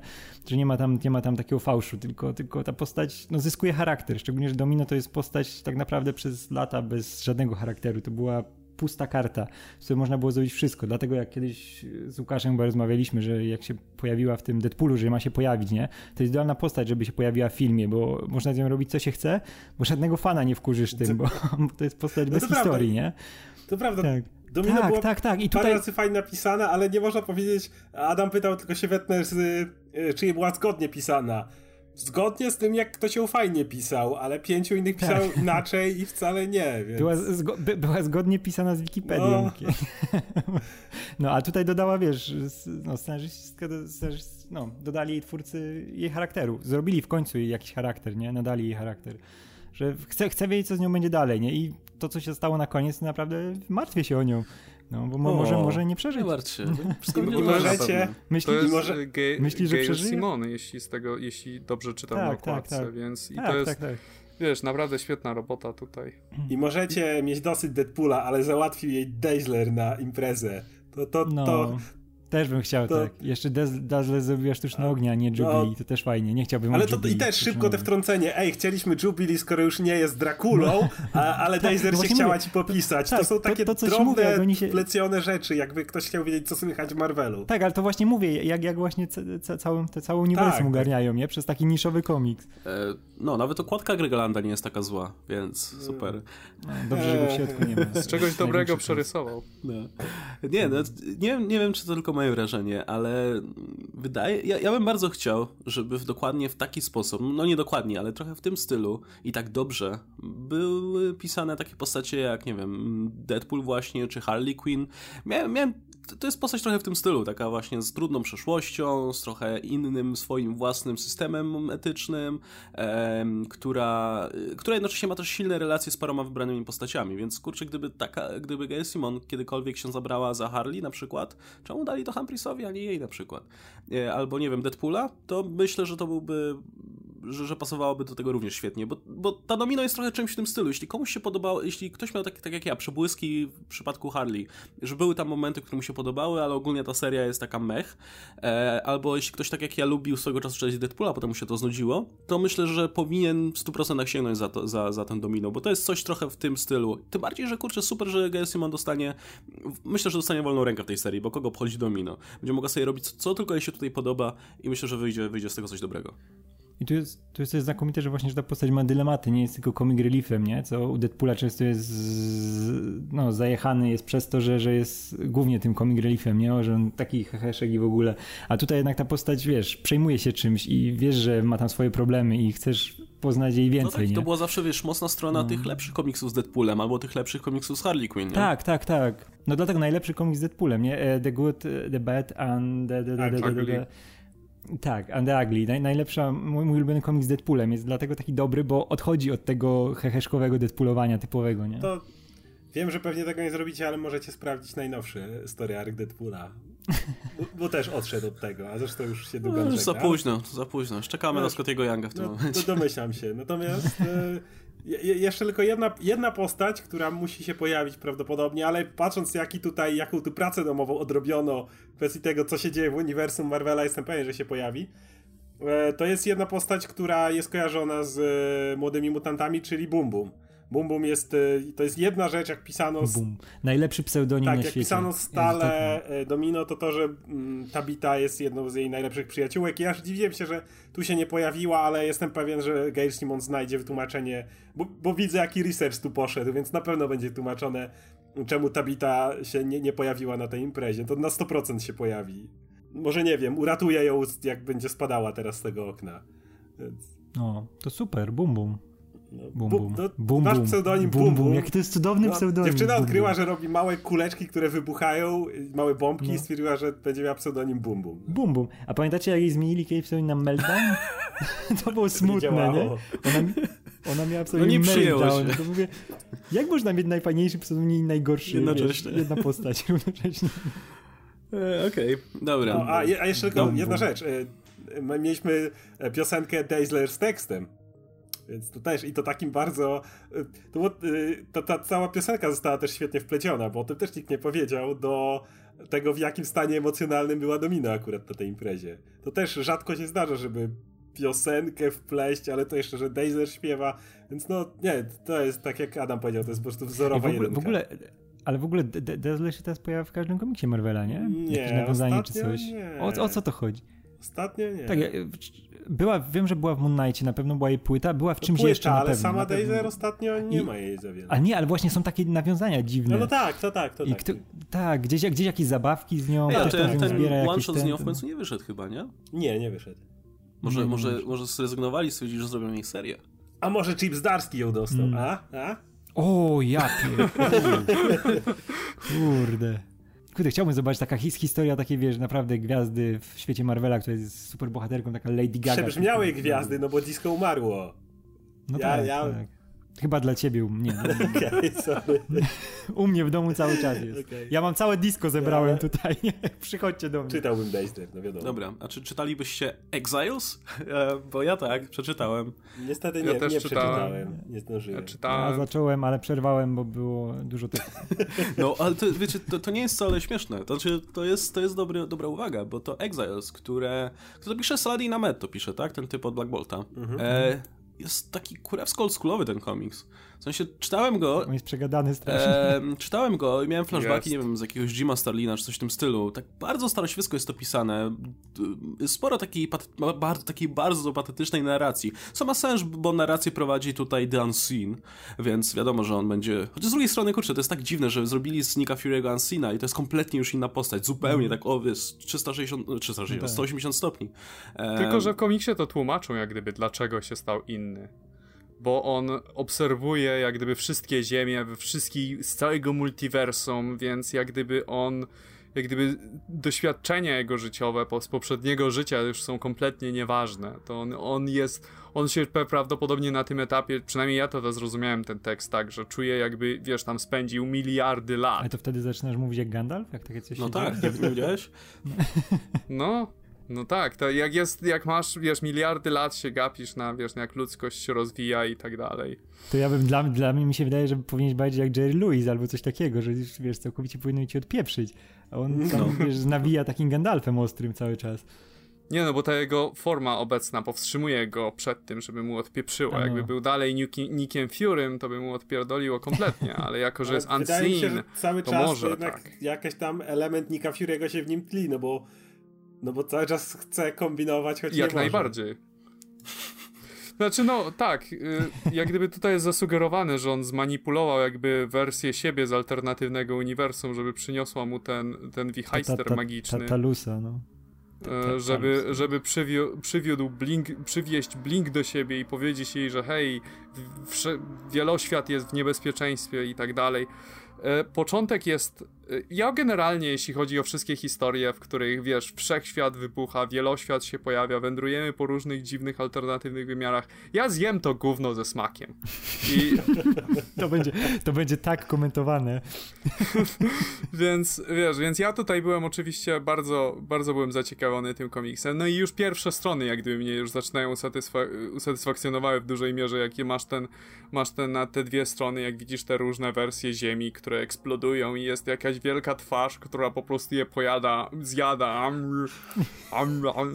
I wiesz, i natychmiast przelatujesz do y, Blink, która ma obiadek ze swoją ciocią, która jest ciocią, ale z innego wymiaru ciocią, więc jest taką, no, przybraną powiedzmy ciocią. I nagle jest, wiesz, teleportowane na księżyc. To się dzieje, wiesz, to jest dużo tekstu, ale wszystko się dzieje tutaj szybko i rozumiem dlaczego jest tak dużo dialogów, no bo one muszą jak gdyby skondensować to wszystko, co się dzieje dookoła. I ma też, i wiesz, i po przejściu z tego obiadku mamy tą sup gęstą i taką, wiesz, mitologiczną rozmowę z Nickiem Furym, który gada jak właśnie jakiś Gandalf do cholery i to trwa dwie strony i znowu ją wypieprza gdzieś, wiesz, do innego wymiaru, gdzie masz, e, gdzie masz, gdzie wszyscy prawie mutanci już wymarli, są tylko Inhumans, jest takie post-apo i troszeczkę... To jest Days of Future Past, tylko że z Inhumans. Tak. I, I, tam, i, I tam poznajemy pierwszą postać, którą znamy tylko w swojej alternatywnej wersji, czyli Kamale Khan, która teraz używa ksywki po prostu Khan. I jest taką. I co, co, jest tak badass i fantastyczne, i ma gigantyczną spluwę, większą od niej samej. Eee, później ten, później ten jej świat prawie natychmiast, znowu, po dwóch stronach jest zniszczony i wyruszają do kolejnego. Tam poznają Iron Lada, który jest ta, tym, który jest Kangiem. Jest młodym Kangiem, który... Y, stary Kang cofnął się w przeszłość, żeby młody Kang miał, y, miał jak gdyby y, był lepiej przygotowany na przyszłość, żeby zaczął wcześniej. Tak, bo Iron Lad to jest to, A to, jest, jest Kang. To stara postać. To jest i młody Kang stwierdził, że ej, ten stary bo... Kang to się, to ja taki nie będę i stwierdził, że będzie bohaterem. I tak powstał generalnie Iron Lad. Ty czytałeś Young Avengers? Tak, znaczy, a, a nie, ale ja pytam Adama. Nie, nie czytałem. A, no to przeczytaj, tam masz całą historię jego wywaloną. Okej. Okay. No ale to, to w skrócie opowiedziałem, no. no młody Kang stwierdził, że stary Kang się i nie będzie taki. Tylko, że w tym komiksie ten Iron Lad stwierdza, że nie do końca chce być bohaterem, chce po prostu wpieprzyć y, dzieciakom, którego, którego tam osaczały w szkole i tyle. I to jest... i przekonują go, żeby jednak, że był bohaterem. Może, może, może pobohaterzysz, chłopie. I na ostatniej stronie pojawia się ten Time Eater. Y, to jest postać wcześniej ustanowiona? Bo nie. No bo to, nie, nie. I to jest y, y, mar, martwa, zombifikowana głowa było. Galaktusa, z której wylatuje dym. Nie no, wiesz, jestem ciekaw co dalej. Wiesz, na, pe wiesz, na pewno przeczytam więcej. No to ma taki nastrój właśnie takiego skulowego, starego komiksu, gdzie po prostu się dobrze bawisz i tyle. E, I cały zeszyt w zasadzie poszedł na zarysowanie tych trzech postaci, myślę, w fajny sposób. Też i szko szkoda, że właśnie też że w pierwszym numerze jeszcze nie było tych dwóch najważniejszych, nie? I czekasz, kiedy się pojawią. Czyli ta Valkyria i ten animowany Wolverine. Wolverine. no, to jest taki, taki, prosty, myślę, skuteczny koncept, gdzie bierzesz po prostu postacie z kompletnie innej beczki e, i patrzysz, co, co, z tego wyjdzie. I sam fakt, że, że Amet miał tutaj możliwość wzięcia kto mu się podoba w zasadzie. Nie sądzę, żeby e, Tom Brevoort przyszedł i wskazał na konkretnie te postacie. Może na tą Valkyrię, kto wie. E, bo to jest ta filmowa Valkyria oczywiście. Natomiast reszta nie sądzę, szczerze mówiąc, myślę, że mógł je sobie dobrać, jak, jak mu się podobało. E, jeśli mógł je sobie dobrać, jak się podobało, to myślę, że całkiem fajnie będzie ta drużyna działała, bo już teraz widać, że te charaktery się całkiem całkiem nieźle uzupełniają z tą poważną i zniszczoną przez życie Kamalą, z tym Iron Ladem, który jest żółtodziobem i idiotą przy okazji. No i z tą Blink. Jeśli się nie mylę, to jest Blink chyba z tego uniwersum Age of Apocalypse, która no też swoje w życiu przeszła i spokojnie nadaje się na taką liderkę tej grupy. Ona jest to z, Age of Apocalypse Blink? A. Tam tak, na początku tak, było tak, chyba, tam był ten, ten zlepek Na samym tych... początku jest no. Okej, okay, to chętnie, to chętnie przeczytam, bo ja, ja lubię Age of Apocalypse. Też jest, Jedno, jest... co jeszcze powiem, to przynajmniej te postacie, które zostały przedstawione, czy które w większości wi widzimy, nie wiem jak z Valkyrią do końca, ale one są w dużej mierze odwrotnością tego, co kojarzymy. Jak gdyby Kamale Khan kojarzymy jednak mimo wszystko jako taką bardziej pogodną postać, młodą, pełną nadziei i tak dalej. I tutaj mamy zniszczoną życiem, prawda? Taki praktycznie Wolverine, tylko że kobita. E, mamy mamy Iron Lada, który ma być odpowiednikiem powiedzmy Iron Mana w jakiś sposób, czyli jest młodym gówniarzem idiotą, który nie ma pojęcia co robi. I mamy Wolverina, który jest e, myszką Miki, maskotką dosłownie zespołu. Więc jak gdyby większość tych postaci, mówię, nie wiem jak z Valkyrią zrobią, ale jest w pewnym sensie odwrotnością takiego, wiesz, naszego postrzegania ogólnego tych postaci, co też ba jest bardzo interesujące i fajnie, jeżeli znasz te poszczególne postacie, chociaż minimalnie, chociaż to, wiesz, chociaż to postrzeganie, to jak gdyby to się w interesujący sposób ogląda, bo to nie jest coś, czego się spodziewasz. No, ale ja ogólnie powiem, że potrzebuję takiej serii, takiej właśnie w tym stylu, gdzie po prostu będziesz miał jakieś dziwaczne przygody po kosmosie z bandą dziwnych bohaterów, których nie znasz od samego początku, musisz poznać w trakcie. E, I to jest napisane właśnie tak, taki, e, w taki sposób. Widać, że, że ten autor też się trochę bawi tutaj. E, myślę, że ta patetyczna narracja też nie jest tutaj, mm, bo tak, wiesz, bo nie umiał inaczej.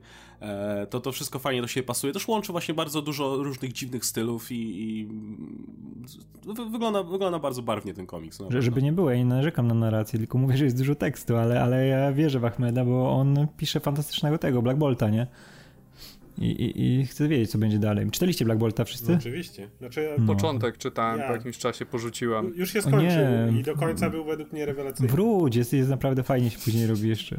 Ta końcówka jest mnie świetna w Black Bolcie. E, no, jeszcze, a, jeszcze powiem, że rysunki mi się bardzo podobają. Są, w ogóle przypominają mi trochę Square Girl, tylko że oczywiście mniej kreskówkowe, ale, ale wciąż te ekspresje twarzy i tak dalej, e, to jest coś, co mi się od razu skojarzyło. Pasuje jak najbardziej do tego, do tego zeszytu. Zresztą projekty e, tych takich dziwniejszych rzeczy, właśnie Unseen wygląda fajnie, jakby e, Unseen wygląda bardzo tak serio, a potem masz tą Blink, która siedzi na obiedzie z, e, z tą ciotką i masz kompletną zmianę stylistyki, a mimo wszystko to do siebie pasuje. No i ten panel oczywiście na końcu z tym Time Eaterem też wygląda fenomenalnie, także no, bardzo fajnie, fajnie zaprojektowana seria, zobaczymy co z tego wyjdzie dalej.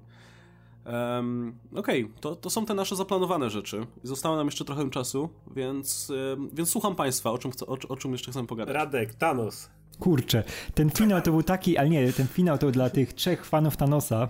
No to spoiluj, bo nie ma to, sensu, żeby dobra. gadać o finale nie spoilując. No to jak to... Fi, finał cały opiera się na tym, że ostatni numer, przedostatni numer się skończył tym, że przyszła śmierć i co, muszą coś, wszyscy już nie żyją, zostali tylko dwóch Thanosów. Thanos nasz i Thanos z przyszłości, tak. Ubrana jak do, zresztą ona w ogóle nawet do ślubu, ona trochę przypomina tą śmierć z Sandmanową, nie? Gaimanową. Mhm.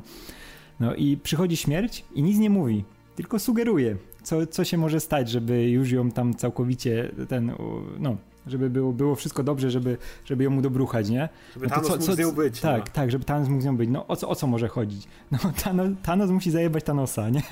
I cały numer to jest taka napierdalanka, ale cudownie przy, przy, doprawiona dialogami dwóch Thanosów, który, wiesz, który ma większego Thanosa, nie? I to wygląda, to wygląda tak, tak pięknie i tak jest pięknie pokazane, jak Thanos jest fajnie zrobioną postacią w tym komiksie. W ogóle wychodzi ten cała jego charakteryzacja przez te wszystkie numery, nie? Czemu, czemu Thanos zawsze wygrywa? I kurczę, ale to trzeba jednak czytać te też poprzednie, ale, żeby, żeby się na tym dobrze bawić. Ale ta, y, nie tylko chodzi o tą rozmowę między nimi, tak jak mm mówisz, kto ma większego Thanosa, ale też y, wszystkie miny śmierci po drodze.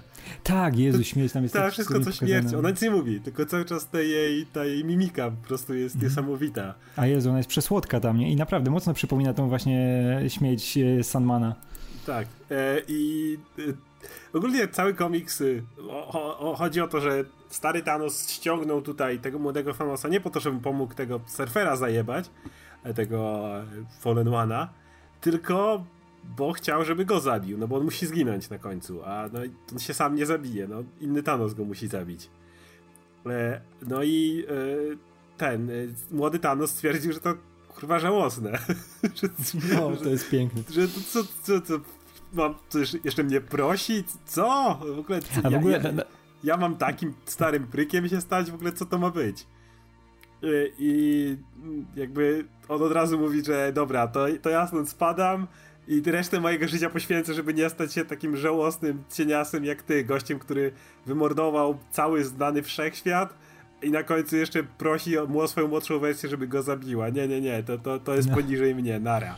Ale to jest piękny, piękny jest moment, jak właśnie ten Thanos, ten nasz, się orientuje, nie? Że ej, to jest, to jest chujowe, co robimy, nie? To nie, nie, ma, nie ma sensu, nie chcę tego robić, nie chcę, nie chcę, wiesz, tego żałosnego dziada klepać, tylko, wiesz, bierze ten, ten, ten dynks, ten kamień, którym się może cofnąć, wiesz, idzie do tego truchła, tego e, ładuje go mocą i mówi się Manara, ja spierdalam, nie? I idzie sobie, cofa się do naszych czasów. No i to było piękne. I, i, to, I to zakończenie jest niesamowite, bo jakby na końcu śmierć się odzywa jest ten moment, kiedy e, stoi ten stary Thanos i stwierdza, ej, udało się, on mnie wymazał, czuję jak znikam.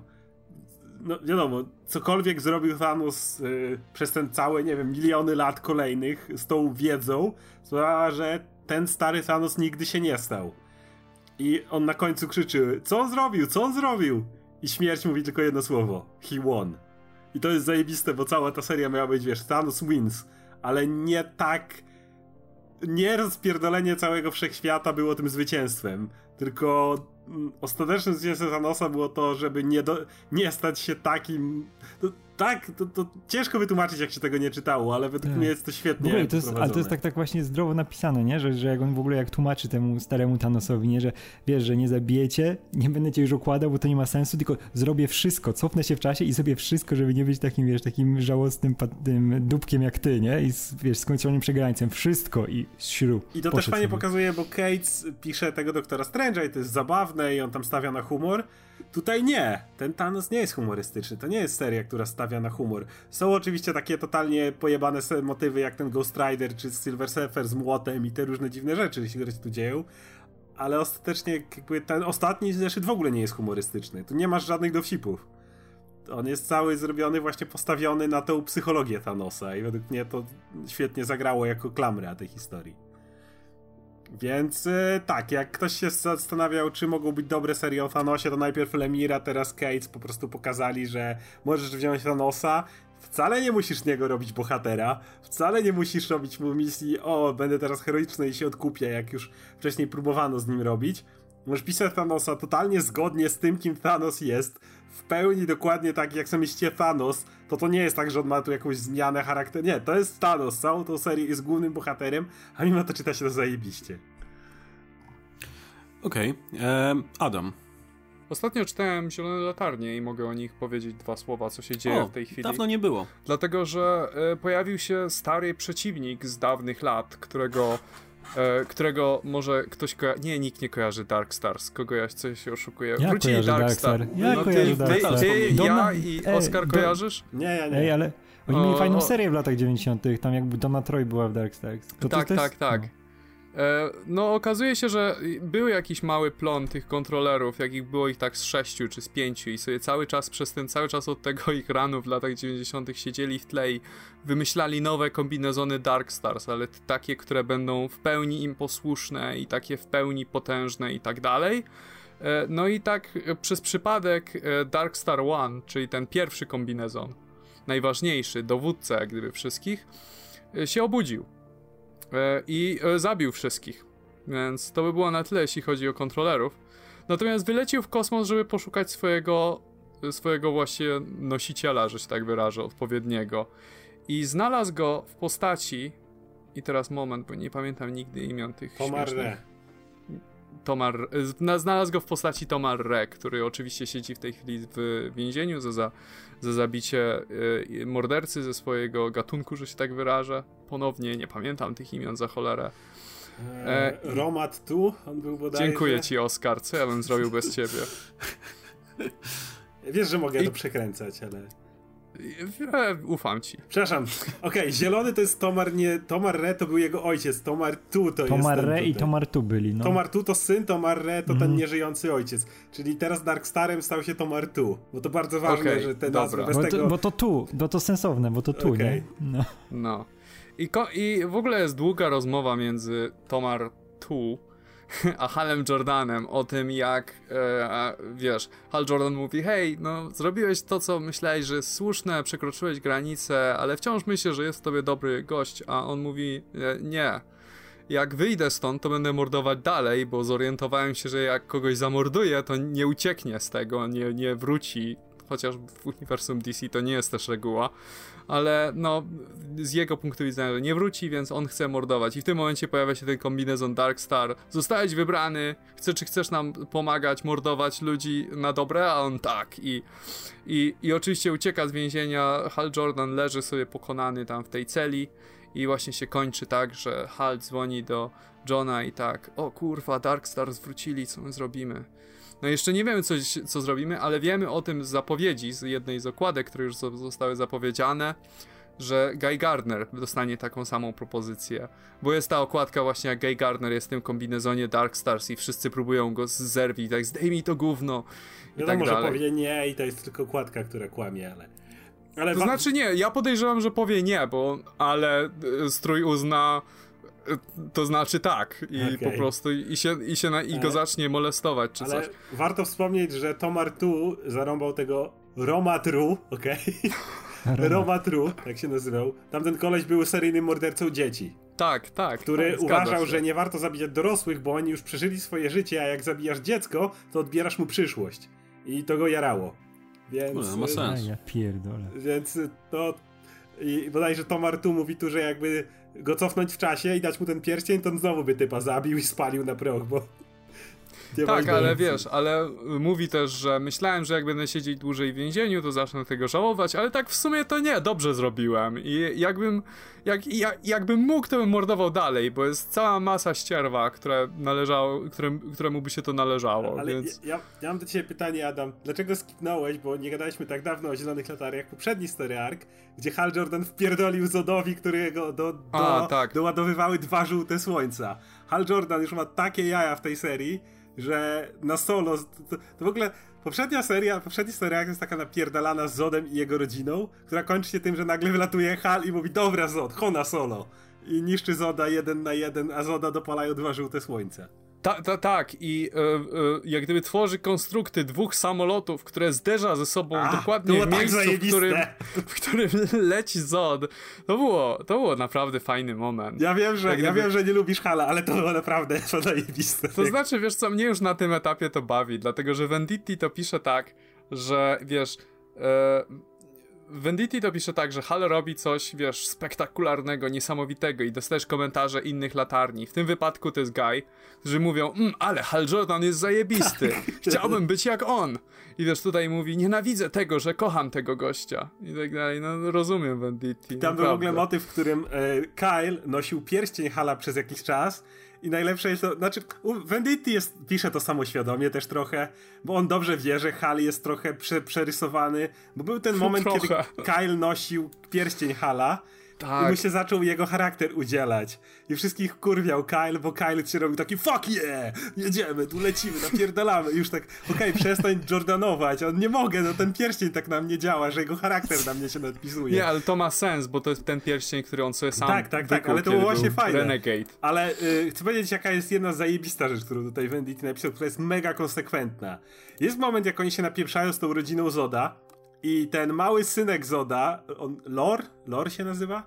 Lor, wyskakuje na Gaia Gardnera. I no to jest mały kryptończyk, który jak mi patrzeć jest super silny. I rozpierdala Gaia i Gai w ogóle się nie broni. Bo Guy, i to, i to trzeba pokazać, że może Guy jest, jeśli chodzi o y, inteligencję taką po prostu, no, naj, naj, mają najmniejszą z tej całej ekipy tych, tych trzech latarni.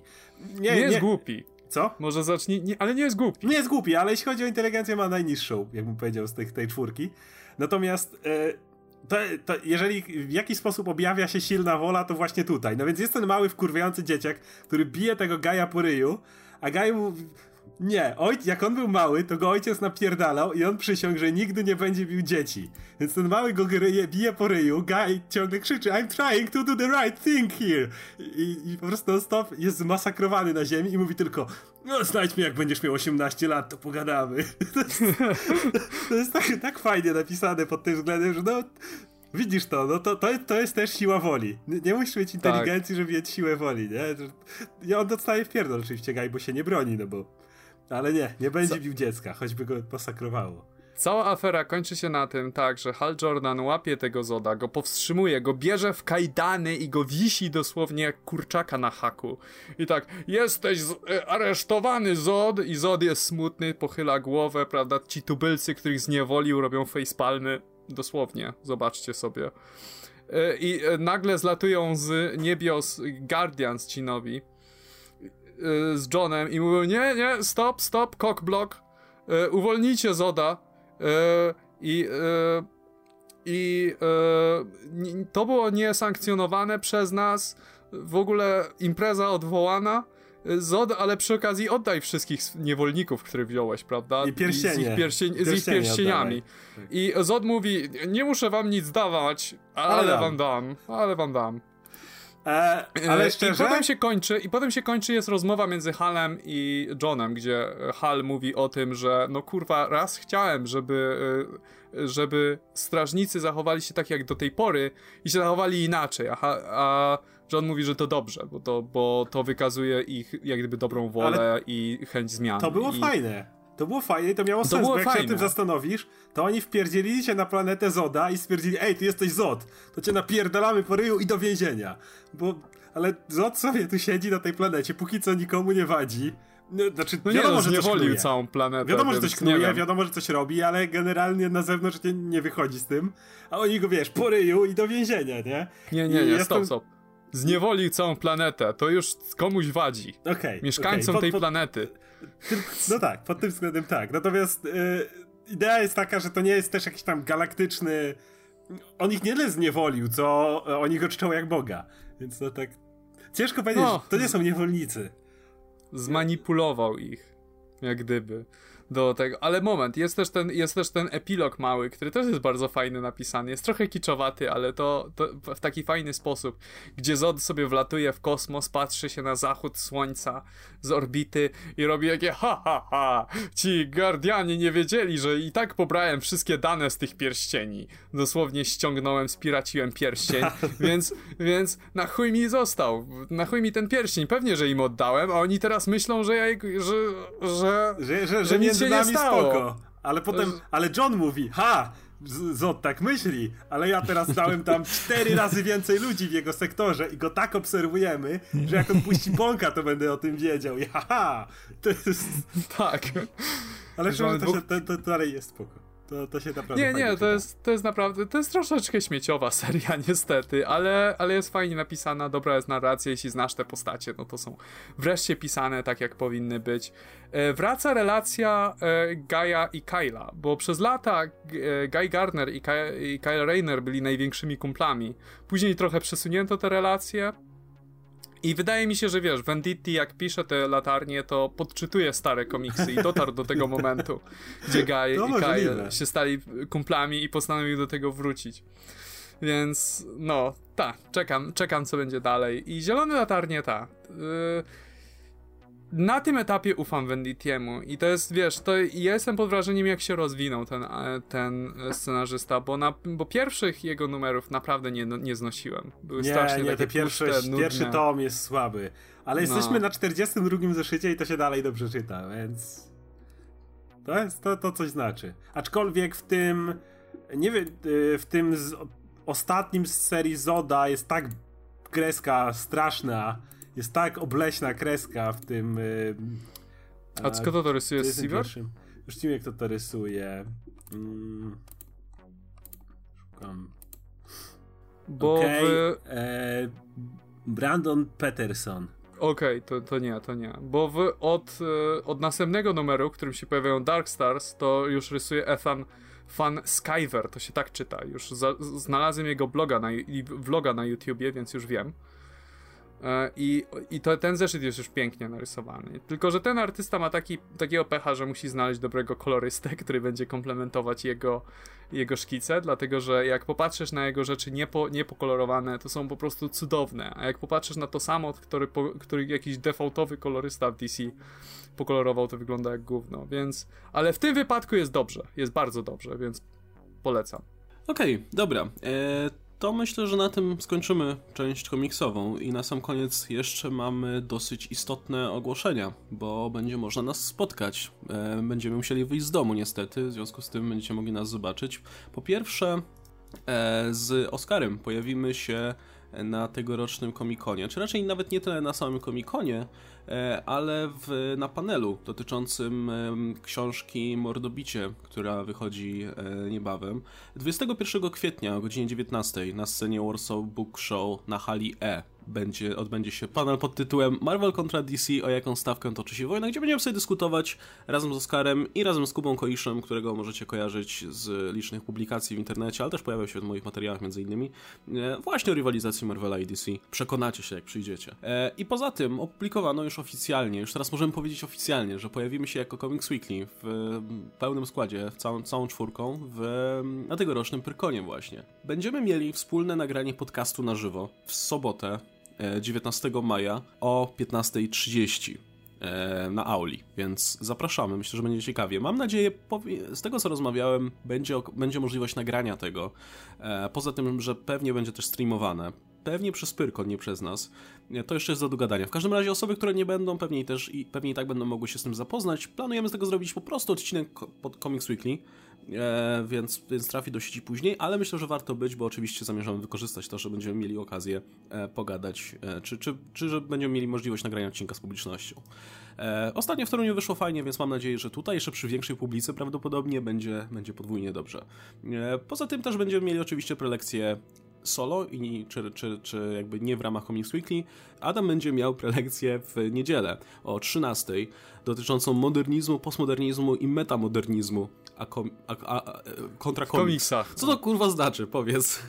To znaczy, te terminy często się pojawiają w różnych e, felietonach, e, w recenzjach i tak dalej, i często są używane dosyć niepoprawnie, czy jak gdyby nie do końca poprawnie i e, jest bardzo wiele nieporozumień dotyczących tego. Oczywiście, co oznaczają te terminy, to są no, e, jak gdyby kierunki w sztuce i każdy z nich ma swoje własne charakterystyki, swoje własne cechy i się on objawia troszeczkę inaczej czy w unikalny sposób w komiksach jak gdziekolwiek indziej. I nie wszyscy do końca jak gdyby sobie zdają sprawę, więc to taki trochę edukacyjny panel. Porozmawiamy właśnie skąd się wzięły te terminy, jacy, jacy są przedstawiciele w innych dziedzinach sztuki, też w architekturze i tak dalej.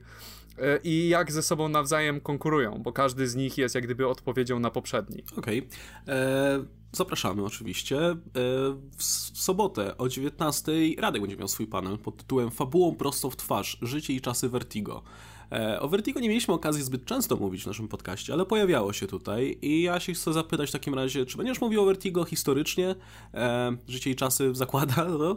czy fani powiedzmy e, tych wszystkich klasyków będą mieli co szukać, czy też e, będzie mowa o tym, co się stało z Vertigo na przestrzeni lat, bo niestety obecnie ten imprint troszkę cienko wszędzie. E, będzie wszystkiego po części będzie złożony z tych wszystkich trzech składowych, nie? Będzie, będzie trochę historii, trochę o seriach, bardziej tak od serca, które, które, które lubię, które jak wspominam i będzie właśnie to, co się stało z Vertigo, nie? I gdzie, gdzie, gdzie to teraz dąży, co DC robi w tym kierunku, żeby, żeby w jakiś sposób reaktywować Vertigo i, i ciągnąć właśnie to dalej, ten, ten, ten tryb, tym trybem vertigowskim, te, te, te serie bardziej ambitne. No i też, też, też no właśnie najbardziej chcę skupić na tym, co, co warto przeczytać i, i czemu Vertigo jest takie ważne dla całego, nie tylko rynku amerykańskiego, tylko dla, dla no ogólnie dla komiksu, nie? E, no i będziesz miał spotkanie również z Tonym Harrisem. Tak, tak, tak. Ja w niedzielę o 11. O właśnie. Dobra, no i ostatnia rzecz e, dotycząca tutaj naszych, naszego udziału. razem z Oskarem będziemy prowadzić również prelekcję Jak naprawić Marvel Comics i to będzie już w piątek o 19, więc musimy przyjechać w piątek, kurczę. E, w każdym razie mam nadzieję, że, że również się pojawicie. No, rozwiniemy. Nie wiem, czy, czy może, może Oskar ma inne zdanie do tego, czy będzie ta prelekcja, ale wydaje mi się, że będziemy tutaj rozwijać trochę ten temat, e, który poruszaliśmy już w podcaście, dotyczący właśnie tego, co, co, co, co się dzieje z Marvelem i czy jest jakaś szansa żeby z tego małego kryzysu wizerunkowego i nie tylko wizerunkowego e, wyjść. E, jakby podyskutujemy trochę z postrzeganiem, powiedzmy, Marvela generalnie w mediach i, e, w oczach rozmaitych fanów Okej, okay, dobra. To tyle, tyle, jeśli chodzi o nasze ogłoszenia. Zapraszamy oczywiście do udziału. Wpadajcie na te eventy, możecie też próbować nas złapać zaraz po. E, natomiast e, będziemy pewnie jeszcze o tym przypominać. E, ten panel dotyczący mordobicia już jest w tym tygodniu, więc zaznaczcie sobie w kalendarzu. Natomiast Pyrkon jest oczywiście dopiero w maju, więc jeszcze masa czasu, żebyśmy zdążyli Was tutaj za, za, zachęcić. Natomiast już teraz można kupować bilety na, na Pyrkon, także, e, także kupujcie i przyjeżdżajcie, będzie, będzie fajnie. E, no, a my się będziemy żegnać w takim razie. Za tydzień sobie pomówimy, no wiadomo jaki, ty, wiadomo, jaki tydzień będzie, e, jaki tydzień, wiadomo jaki temat będzie najważniejszy za tydzień, nie? Bo to jest premiera oczywiście, e, w tym tygodniu wychodzi tysięczny odcinek Action Comics. Więc to będzie prawdopodobnie highlight, ale poza tym też myślę, że tematów nam nie zabraknie, więc zapraszamy do słuchania kolejnych odcinków. A tymczasem był ze mną oczywiście Adam Antolski, Ankon Mruwa. Hej wszystkim. Oskar Rogowski, komiksomaniak. Cześć wam. I Radek Pisula z Full Frontal Pisula. Hej. No i widzimy się w kolejnym odcinku, coraz bliżej setki. Wtedy też prawdopodobnie przygotujemy coś specjalnego, ale to dopiero za 5 odcinków. Trzymajcie się, cześć.